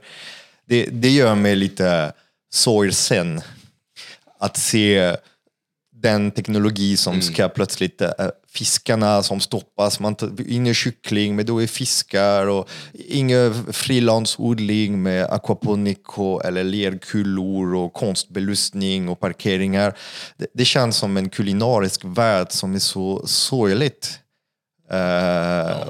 hur, hur, vad har du för... Du kanske kan ändra min bild? Eller, har du... Ja, alltså jag vet inte. Jag, alltså, det, det, är väldigt intressant att jobba med det här. Vi utvärderar ungefär tusen nominerade varje år. Okay. Och jag är ju inte, alltså min roll är här att jag är ansvarig för stiftelsen, liksom för det, det övergripande. Mm. Eh, och sen så är jag, delar jag på ordförandeskapet i juryn tillsammans med Johan Rockström. Och um, sen så är det ju ett litet team som sitter här i Stockholm som mm. jobbar med den dagliga liksom, processen och utvärderingen av de här. Och vad, vad, vad är det för folk? Vad har de för kompetens och expertis? Vad är det de letar efter? Vad är som en bra bidrag till en klimat ja, men, eh, en, en, en, perfekt vinnare för oss, det är någon som har en eh, idé. Mm. Eh, som bedriver den idén i ett format där det är starkt knutet till en person. Och den här idén har liksom potential att förändra världen till det bättre genom matsystemet snabbt. Där vi ser att våra pengar gör skillnad. Mm. Och den uppmärksamhet som man får när man får priset också för den mm. Hur mycket pengar får man igen? Eh, just nu så är det två miljoner dollar till en vinnare, så det är mycket pengar. Usch. Mm. Okay. Eller bra, fan vad bra. Ja. Okay. Wow. Nej men så är det. Ja. Och, och, det som i alla fall är intressant tycker jag, det är att jag, jag, jag får ju läsa allt det här. Alltså, mm. Jag läser alla, alla de här nomineringarna som kommer in. När de har liksom processats av vårt sekretariat så når de, passerar de mig och jag läser och tittar och lär mig. Och, mm. Eh, det som jag tror, min spaning där vad det gäller det här med teknologin och sånt, det är att om vi tittar liksom 10, eller 20, eller 30 år framåt i tiden eh, så kommer vi äta mycket mer likt så som vi gör idag än vad man tror nu. Om man tänker sig att allting mm. förändras otroligt radikalt så tror kanske inte jag att det kommer göra det. Mm. Och tittar du 10, 20, 30 år tillbaka i tiden och så jämför du med hur man äter idag så visst, det, ju, det, finns ju en skillnad, saker och ting har mm. hänt, men så jävla stor skillnad är det inte. Det är fortfarande ungefär samma grödor och det är ungefär samma. Mm. Eh, och jag tror faktiskt att tittar man framåt tiden så kommer man kunna uppleva ungefär samma sak. Det kommer ske en förändring eh, mm. och den kommer att baseras både på liksom teknologiska framsteg men också på eh, liksom nödvändiga förändringar på samhällelig nivå. Mm. Eh, för att människor nu också observerar att det händer saker i miljön som kanske inte är bra. Liksom. Ja. Så det är, men, men jag tror fortfarande liksom så här, det, det, kommer inte vara så att om 30 år att vi bara äter eh, labbodlat piller. kött och piller. Det kommer liksom inte vara så, det kommer vara mm. mycket mer likt nu än vad man kan tro. Mm. Eh, och det tycker jag känns skönt då. Mm.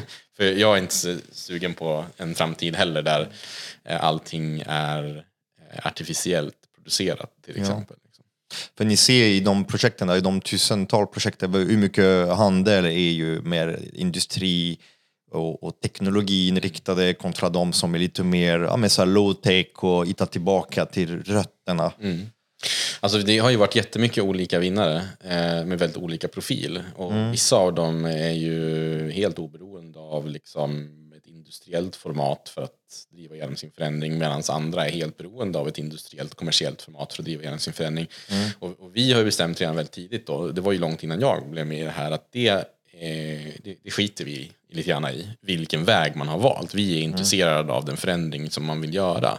Och vi tycker ju någonstans att det är eh, innovatören, den som ska göra det här, som också måste få möjligheten att bestämma vilken väg man tror kommer ha bäst effekt vilken, vilken väg som passar ens innovation bäst. Mm.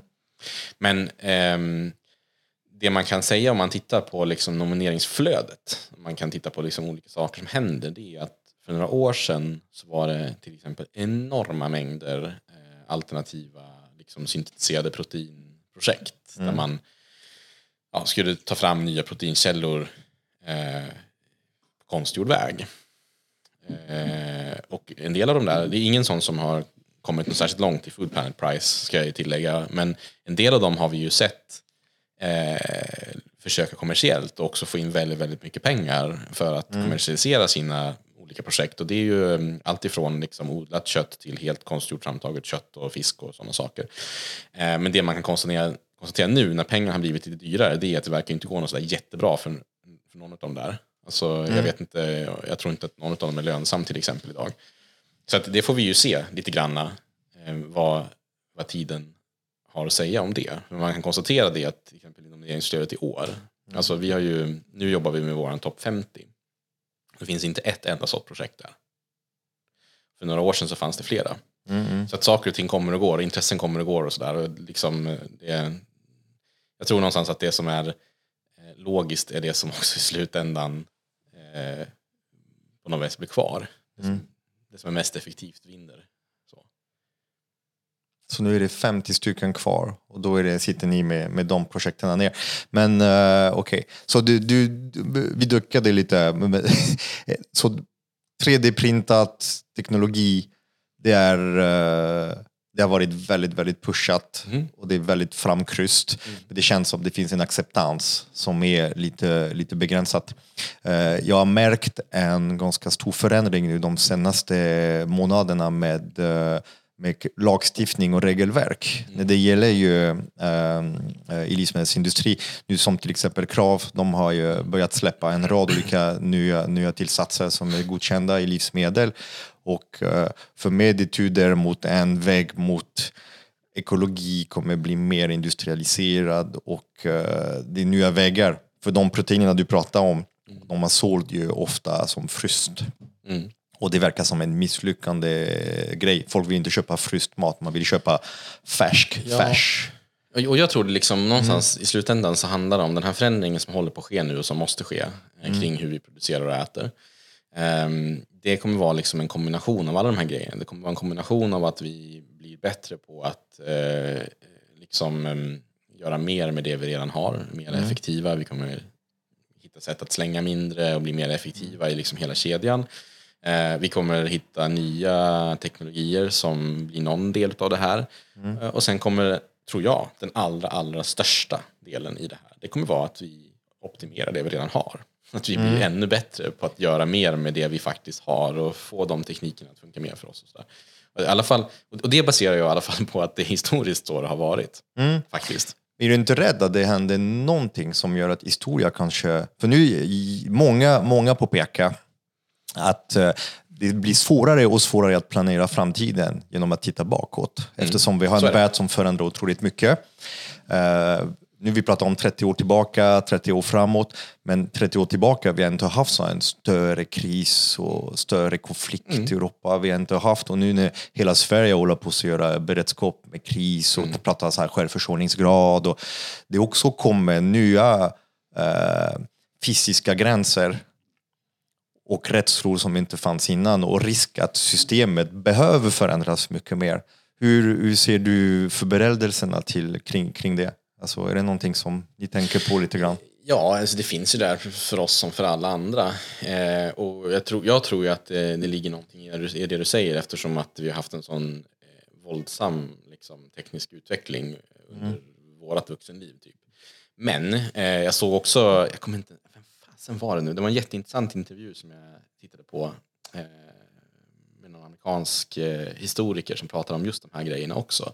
Där han konstaterade att det är också varje liksom varje tidpunkt i historien så tänker folk så här. Att det är nu det händer. Det är nu de här sista tio åren, titta på den förändring som har varit, det är nu det händer. Och det är så himla dramatiskt och sådär. Och, och så, har vi så funkar vi som människor. Så att, visst, vi har haft den här stora förändringen och det har hänt otroligt mycket de sista liksom, 10, 20, 30 åren. Men det är inte någonting liksom, helt nytt och unikt i historien utan så har det fungerat och det är vi som lever nu som upplever den här förändringen som väldigt omvälvande. Och det tyckte jag var lite intressant då. Sen så vet inte jag om jag riktigt höll med om allt det som han sa men jag tyckte det var liksom ett intressant perspektiv att ta. Absolut. Att här, du vet, man kanske får ta ett steg tillbaka och så titta på liksom det stora hela.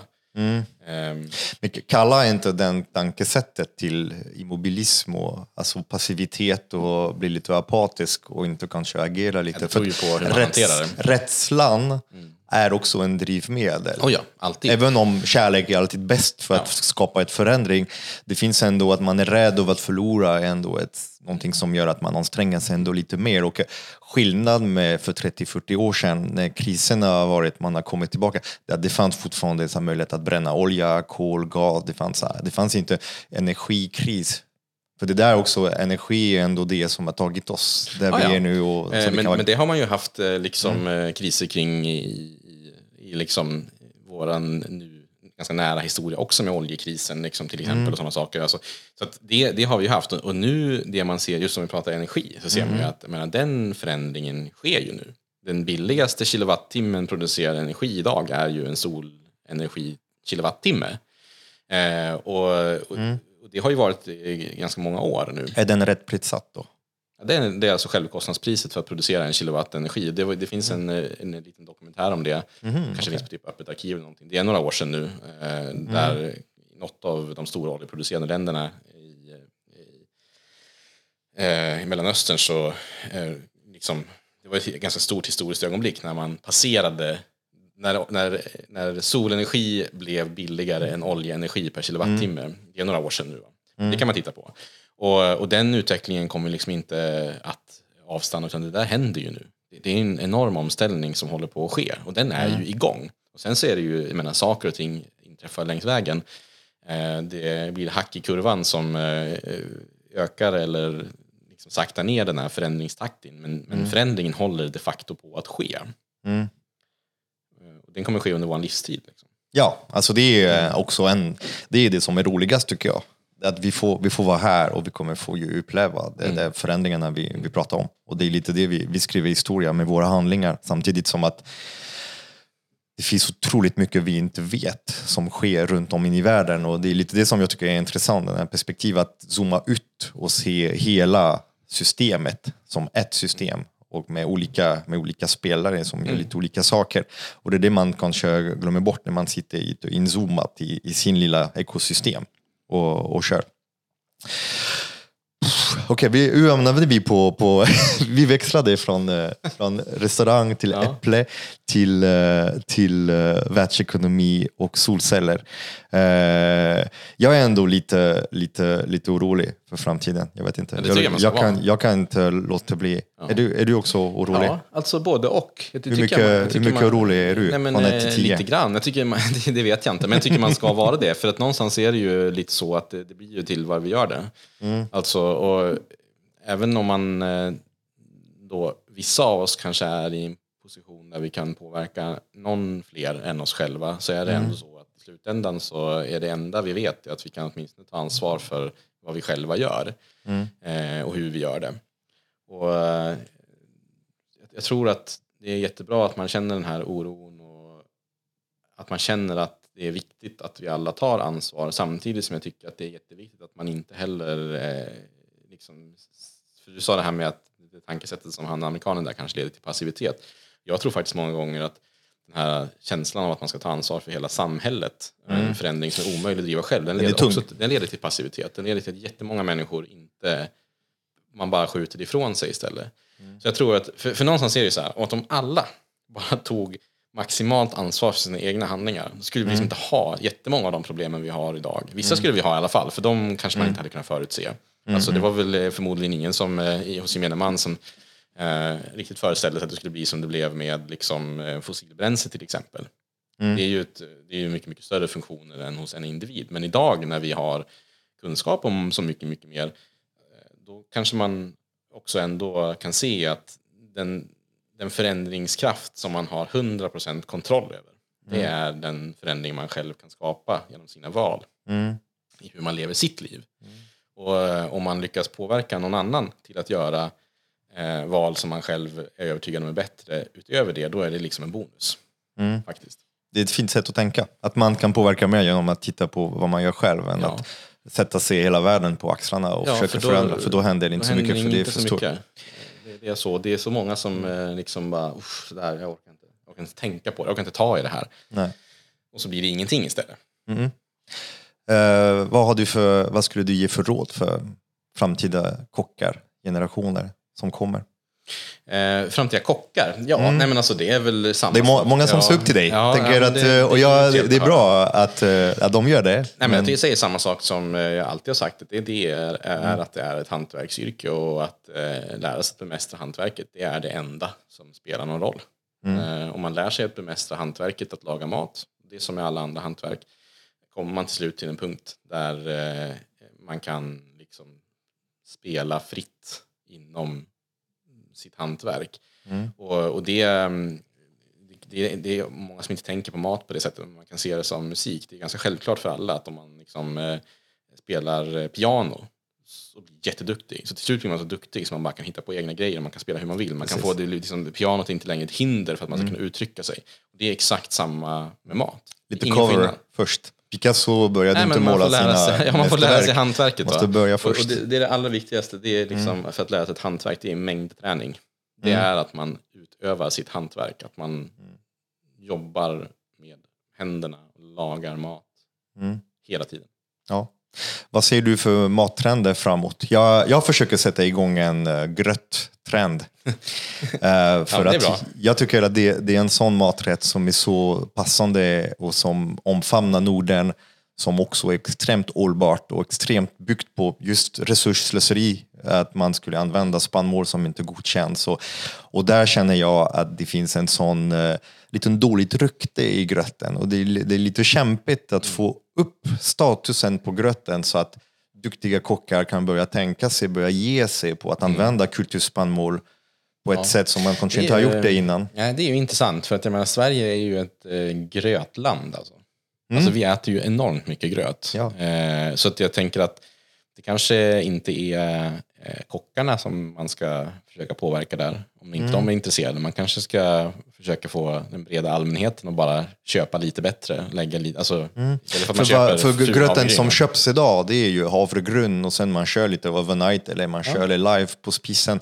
Och det jag försöker se det är att där är ett gröt som inte har med Norden att göra av Mm. ursprungliga, det är ett slags modern, det är som lingongrova, det är någonting som kom efter andra världskriget och som vi kommer komma ihåg som ett stort misstag vi gjorde någonstans. Tror du det? Med havregrynsgöten? Nej, det tror inte jag. Ja men alltså den här, den Men- där men- klassiska ångade, besprutade, konstgödslade, moderna Det kan, väl, havre. det kan väl vara en, eh, en... eh, Alltså att den är ångad, det tycker jag är 100% bra.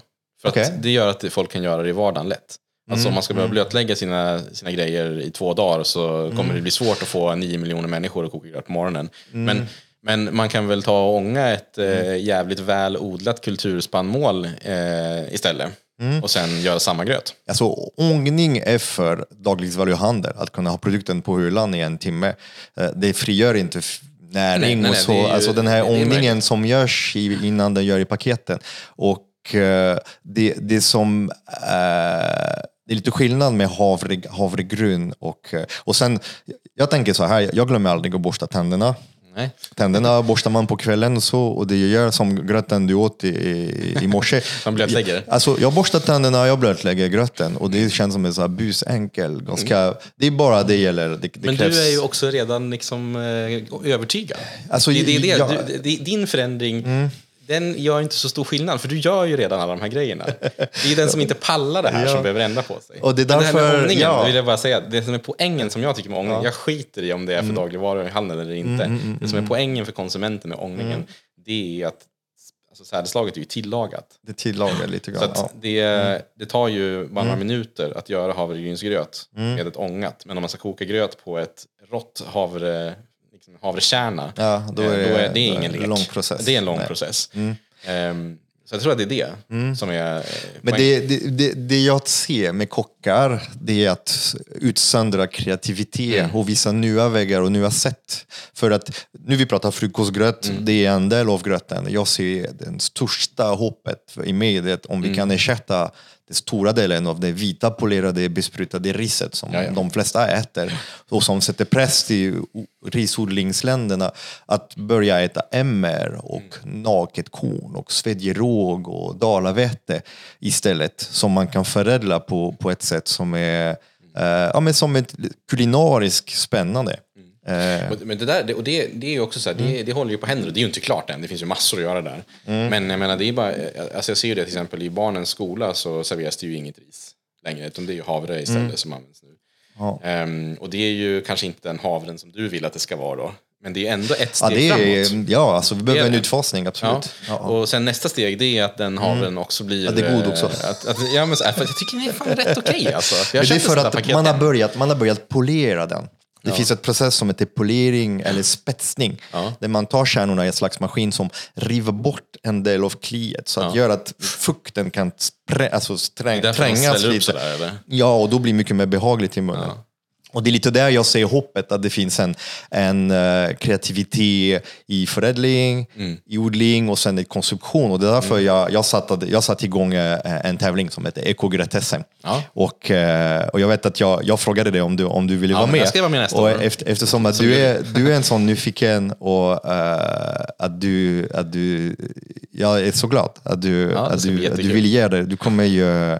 Och det där jag ser din kraft och din kunskap och din... eh, alltså, di- ditt sätt att se på, på, på hållbarhet eh, förhoppningsvis kommer ju få fler matlagare att börja se den kulinariska möjligheten som finns i att äta mer spannmål i ett land som kan odla spannmål och baljväxter. Alltså, Han som vann för förra året hade, han var från Gotland, Isak, eh, som eh, han hade ju Gotlands cleans och eh, det var, det var spält, Gotlands spält som hade samodlats typ. Och det där är så här, innovation fast med 10 000 år i ryggen. Ja. Det är det som jag tycker är, är, väldigt, eh, är väldigt spännande. Och det ger en... eh, Och det var så jävla gott framförallt. Nej, men det är ju intressant, det där har vi ju börjat återupptäcka nu. För jag menar, Mm.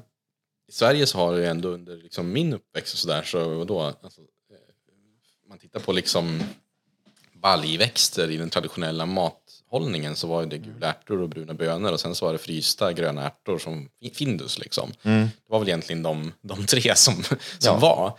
Ehm, Som vi exporterar typ nästan allting. Ja, kanske- kanske det, det ja, jag jag tror att vi hade största export på Ja. Findus ja. ärta. Men det, det är liksom så det, var det, men det har ju varit fantastiskt alltså sista fem tio åren när det har börjat odlats baljväxter på lite större skala på ett rätt bra sätt i Sverige idag. Man ser hur mycket olika grejer som faktiskt kan växa här eh, och producera dels tillräckligt hög kvalitet för att det ska liksom fungera men också ett, ehm, ett, liksom en smak som är unik för den här platsen. För att de där linserna, de smakar inte likadant som motsvarande linssort som kommer från Frankrike till exempel. Det gör de inte, de är ju olika.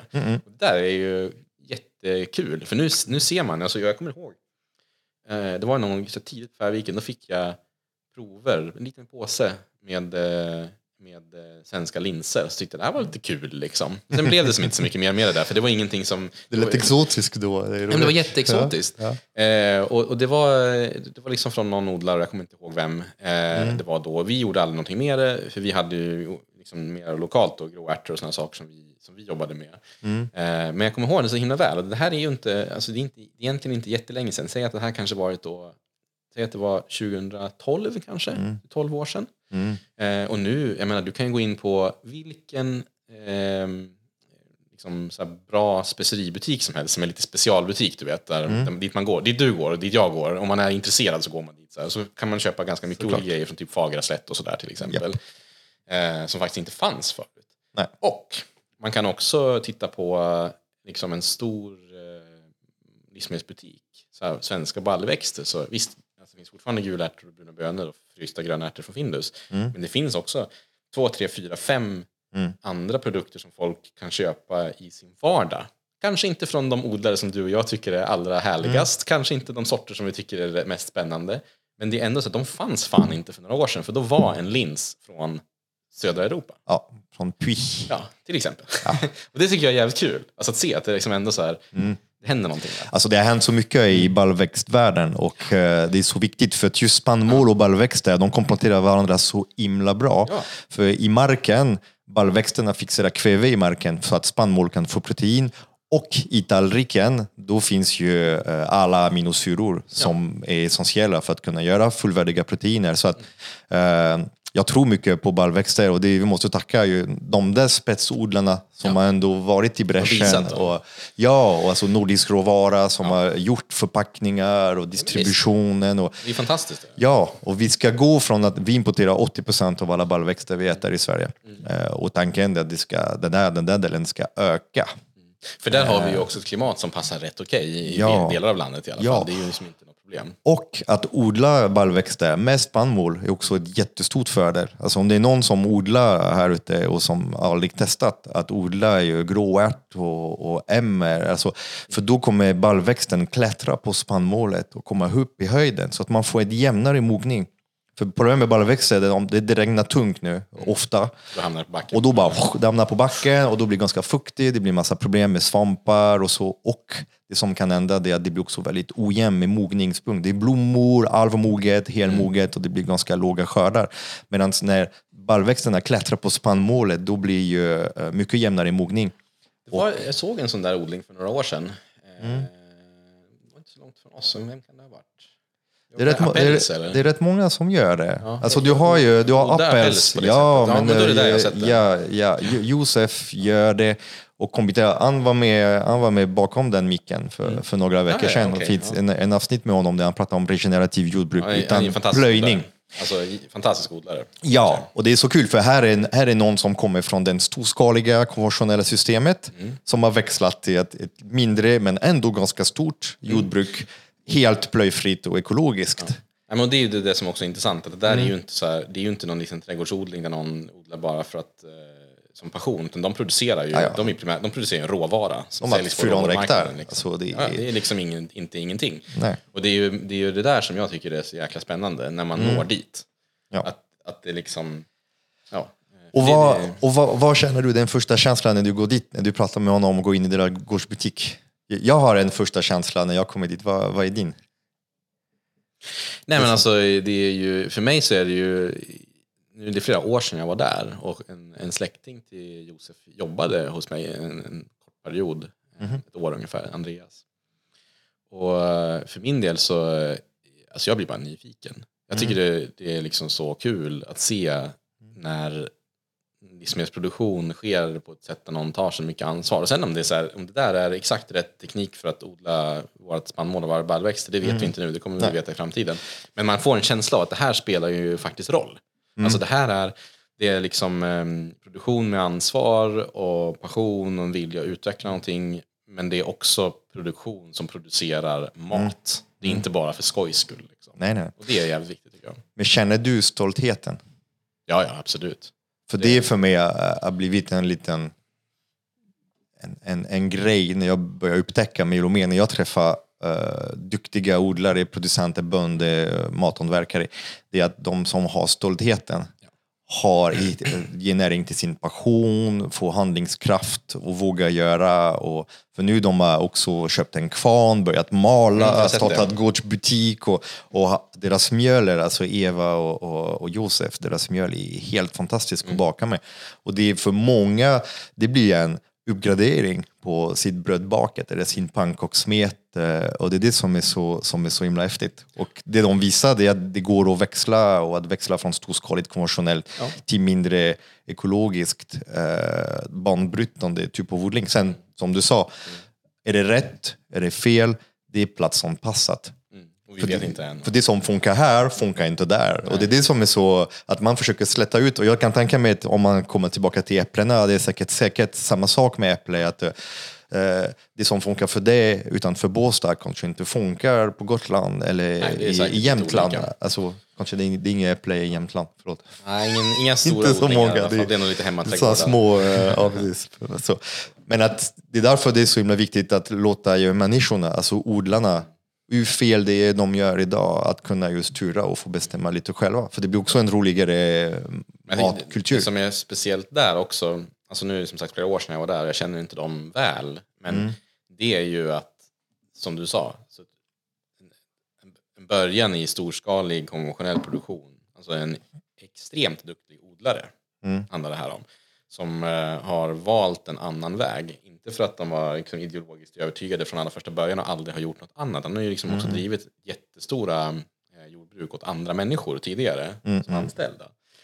Och, ehm, och sen har han valt den här vägen för att man ser att men det här kommer att gå antar jag då. Det, är liksom, det, det är ju som det här med hantverket alltså, som jag pratade om tidigare. Till slut så blir man så duktig att spela piano så pianot inte är i vägen längre. Och det är väl samma antar jag i det här fallet. Att, alltså en enormt duktig jordbrukare, eh, superduktig bonde som till slut ser att man behärskar hantverket så pass att man kan ta det vidare. Och Kan klara sig utan plöj. Ja, men innovera.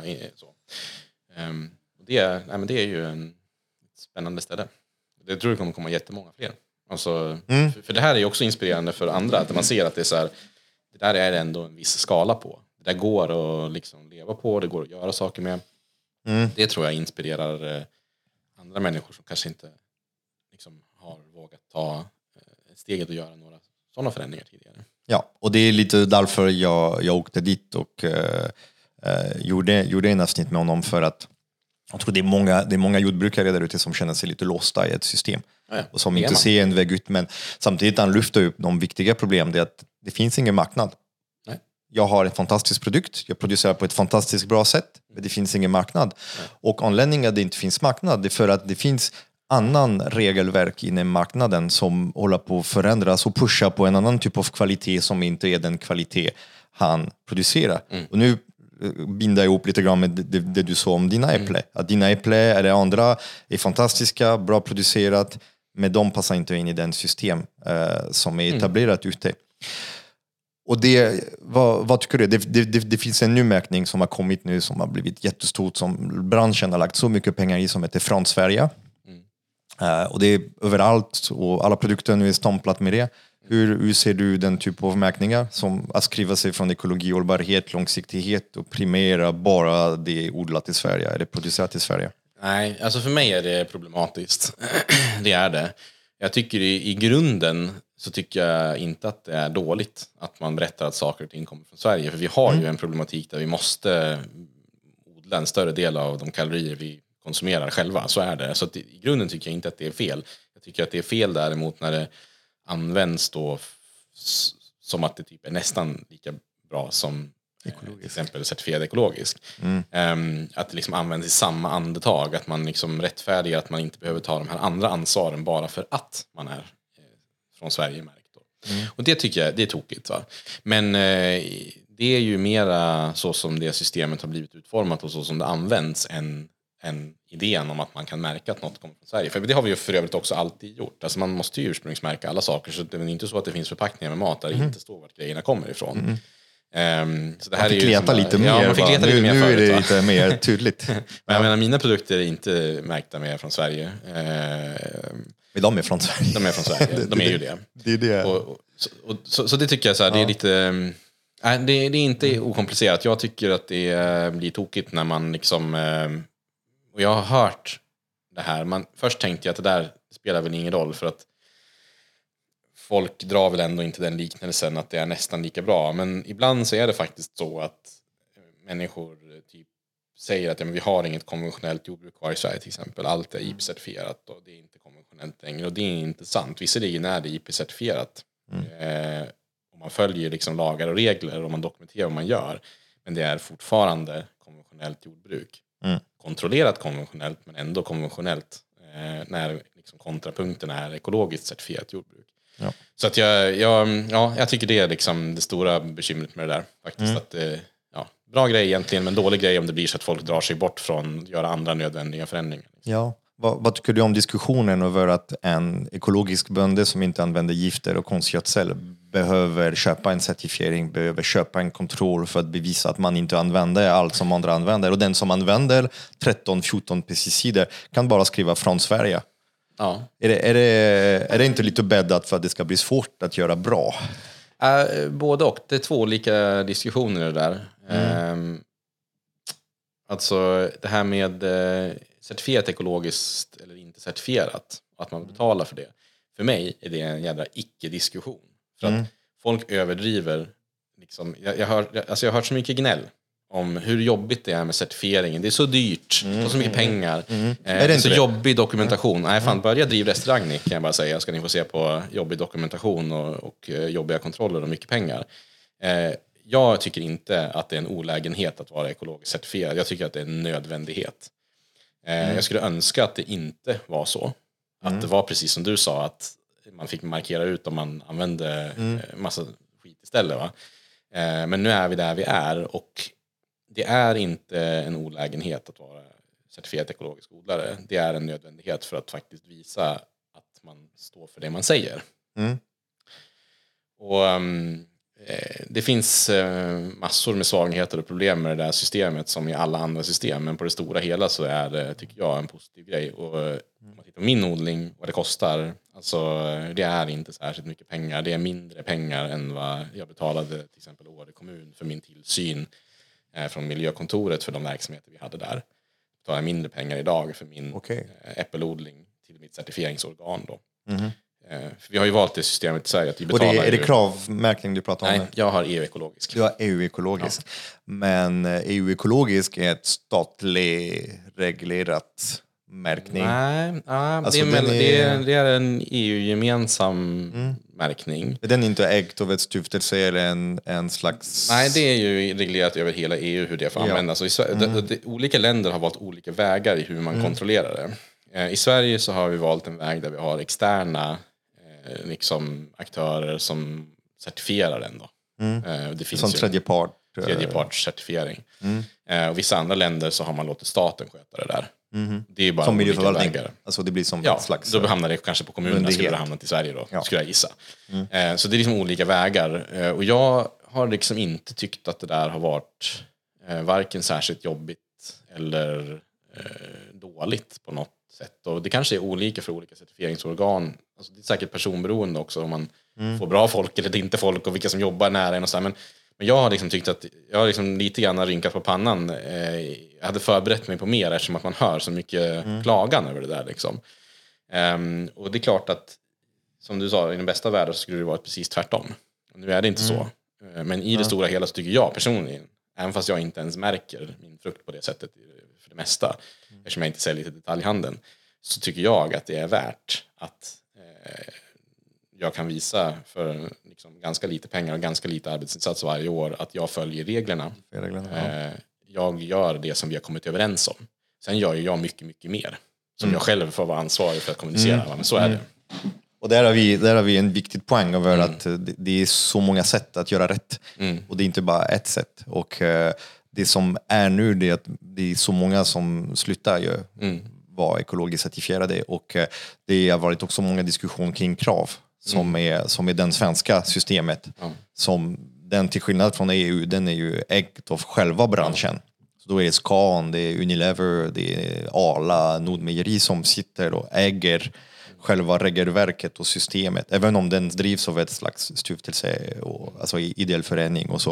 Eh, det är fortfarande en branschreglerad eh, märkning. Och den släpper mer och mer och mer så att den blir lite mer slapp. Och från att gå från att vara bättre än EU, för det har varit mycket krav, det har varit deras, deras varit huvudmarknadsföring, det är att vi är bättre än, än EU-märkning. Det är därför de sätter krav på producenterna att köpa krav, inte köpa EU. Men nu när de har släppt, de försökt nu homogenisera lite grann, de kallar det för harmonisera med EU, så att nu är krav i stort sett exakt likadant som EU. Eh, och eh, det finns en till märkning som heter Demeter.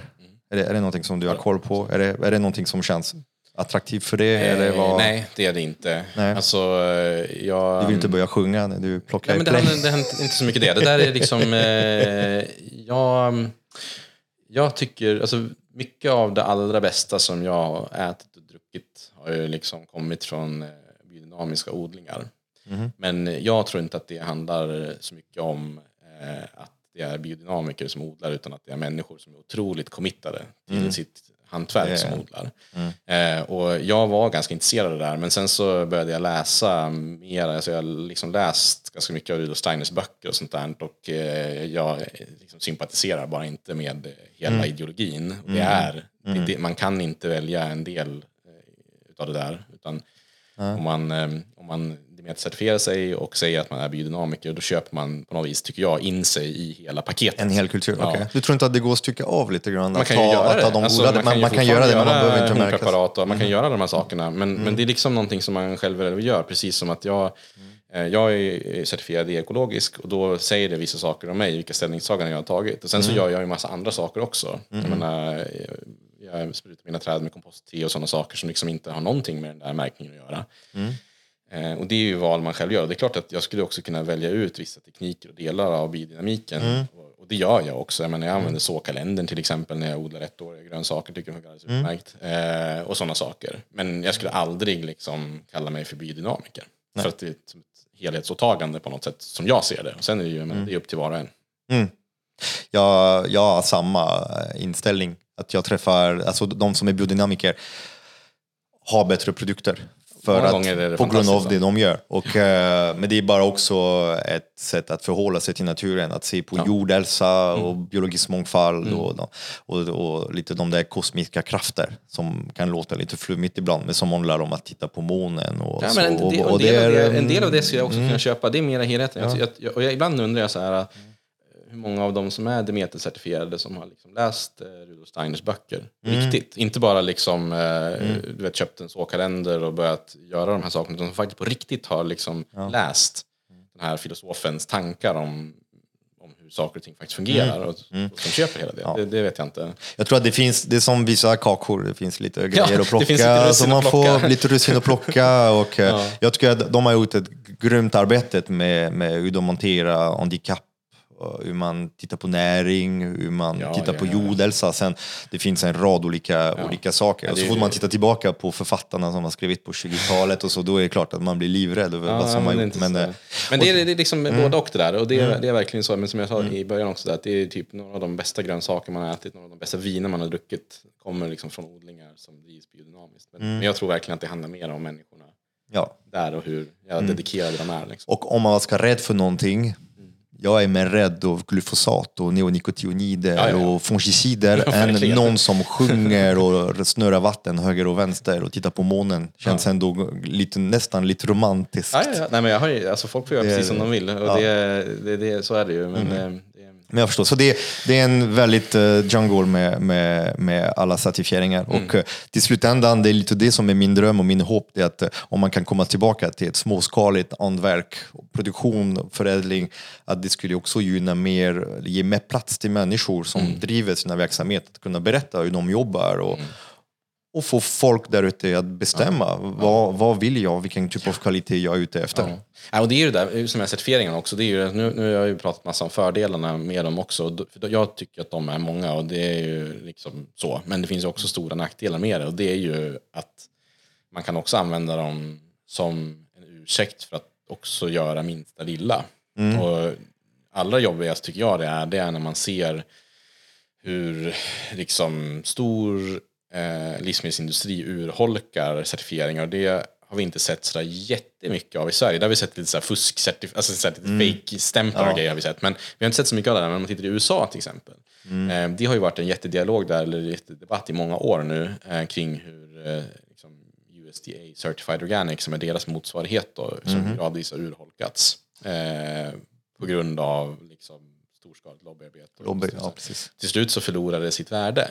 Eh, för det betyder inte längre någonting. Och det, det ser man nu. Nu är det ju på gång eh, märkning för regenerativt jordbruk till exempel. I USA finns redan eh, flera olika varianter på det där och sådär. Och det, alltså, det är klurigt. Den är knäppig det här Det är med. det. För regenerativ är, betyder ingenting. Det betyder ingenting. Nej. Och det, det är det som är grejen. Att många av dem då som säger, de, de, de som håller på med det och säger sig hålla på med det, då vet man att de är, det är skitbra odlingar. De, de gör ju allting precis som man själv vill att det ska vara typ. Men ordet betyder ingenting. Nej. Eh, Det betyder mycket av att göra Ja, ett jordbruk som inte förstör. ordet. Men själva ordet. Ja. Nej, för jag, som, det, det, det finns uh, mässor och Ja, men jordbruk och de, är- kommer- de, de är sponsrade av Ja, och du kemikalieföretag. du kommer och- se, man har redan sett det, alltså man ser ju det liksom i hur folk använder ord och, sådär. Man har redan sett det i närproducerat och småskaligt och sånt. Och, Mm. jag menar, det finns inga fasta gränser och det kommer man tror jag se med det här också. Det kommer inte dröja länge innan vi ser det här så på... rainforest. eh, Nej, men det finns liksom hur mycket som helst. Och just regenerativt är också komplicerat. Det är, jag, jag har aldrig brytt mig så mycket om de där fake-certifieringarna som jag pratade om tidigare. Som har funnits. Um, men just regenerativt, det är otroligt viktigt att det blir rätt nu. För att själva ordet innehåller så himla mycket. Mm. Eh, det antyder att man bedriver ett jordbruk som liksom fixar sig själv. Mm. Och det är inte sant. Nej. Eh, allt jordbruk som vi ägnar oss åt är på något sätt extraktivt. Och det som är själva poängen det är att vi ska knyta ihop den loopen. Att vi ska inte förstöra platsen utan vi ska liksom återföra och ta hand om platsen, vårda platsen, respektera Som en platsen. bankkonto. Ja, men alltså så att det liksom funkar över tid. Mm. Eh, men det, det är det jag är lite orolig för nu när man pratar om regenerativt och när folk liksom vantolkar idén bakom det. Att man tänker sig att om man gör på ett visst sätt, man odlar på ett särskilt sätt, då liksom lagar problemen sig själva. Mm. Eh, istället för att, och då man, kan man liksom låtsas som att det inte är extraktion av naturresurser man faktiskt håller på med. Mm. Ehm, så det, det, det, det ska bli intressant att se. Man hoppas verkligen att, för det kommer ju komma en sån märkning. Man hoppas att det liksom blir på ett sätt eh, som ja, Mm. åtminstone funkar typ som EU-eko eller krav eller någonting. Där det åtminstone finns, även om ribban blir lägre, att det finns en regelbok som pekar på att fast om du gör så här då får du banne mig inte säga Mm. Mm. Mm. det här ordet. Ja, vi får hålla, hålla öronen, ögonen öppet för det här. Uh, fan, tiden går fort alltså. Ja. Babblat i två timmar. Eh, är det någonting du vill, du vill få ut? Det, det, är inte så, det är inte så ofta du pratar offentligt Nej, ute så jag- här. Du är lite som en, eh, en sån här snow leopard. Av, eh, Nej, men jag håller mig lite undan. Alltså jag, har ju Ja. inte, jag, jag har inte sett något stort. Det är så, här- jag tycker inte att jag har haft så mycket att prata om. Eh, Det tycker inte sen, jag, men- sen Färviken stängde.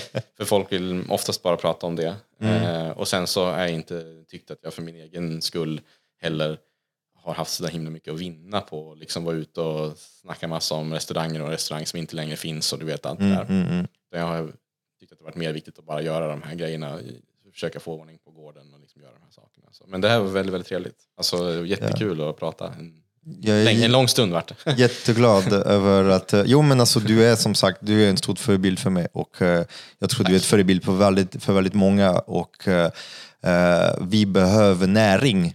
Vi som är lite i, och, och kämpa och försöker verkligen öppna upp tankar och öppna hjärtat, bli sårbara, våga ja, men bara prata om viktiga saker som kan forma ut vårt framtid och, och, och, eh, och inte minst gastronomi nu i, i vårt fall. Och eh, det är så viktigt att eh, att få, att få höra att det finns också processer och grejer som sker i bakgrunden. Att eh, bakom en öppenodling finns en rad olika processer och tankar och saker. Alltså, eh, jag ser så fram emot att få, att få smaka på alla de där dryckerna Ja. som håller på att kokas ihop där I, i norra Skåne. Eh, och eh, när är, när är eh, Food Price, eh, när släpper ut eh, vinnaren? Vi, 28 juni kommer det bli i år. Okej. Så just nu så håller vi på att utvärdera, ja, av de här tusen så blir det först 400 och från 400 blir det 50. Och nu är vi på 50. 50. Eh, och sen ska det bli 10 av dem. Och sen ska liksom juryn rekommendera en vinnare. Och sen jury kommer rekommendera en vinnare. Okej, ja. Så det är där vi är. nu. Superspännande. Och eh, ja, alltså tack, Tack för den där stunden. Tack för gröten och pratstunden. Tack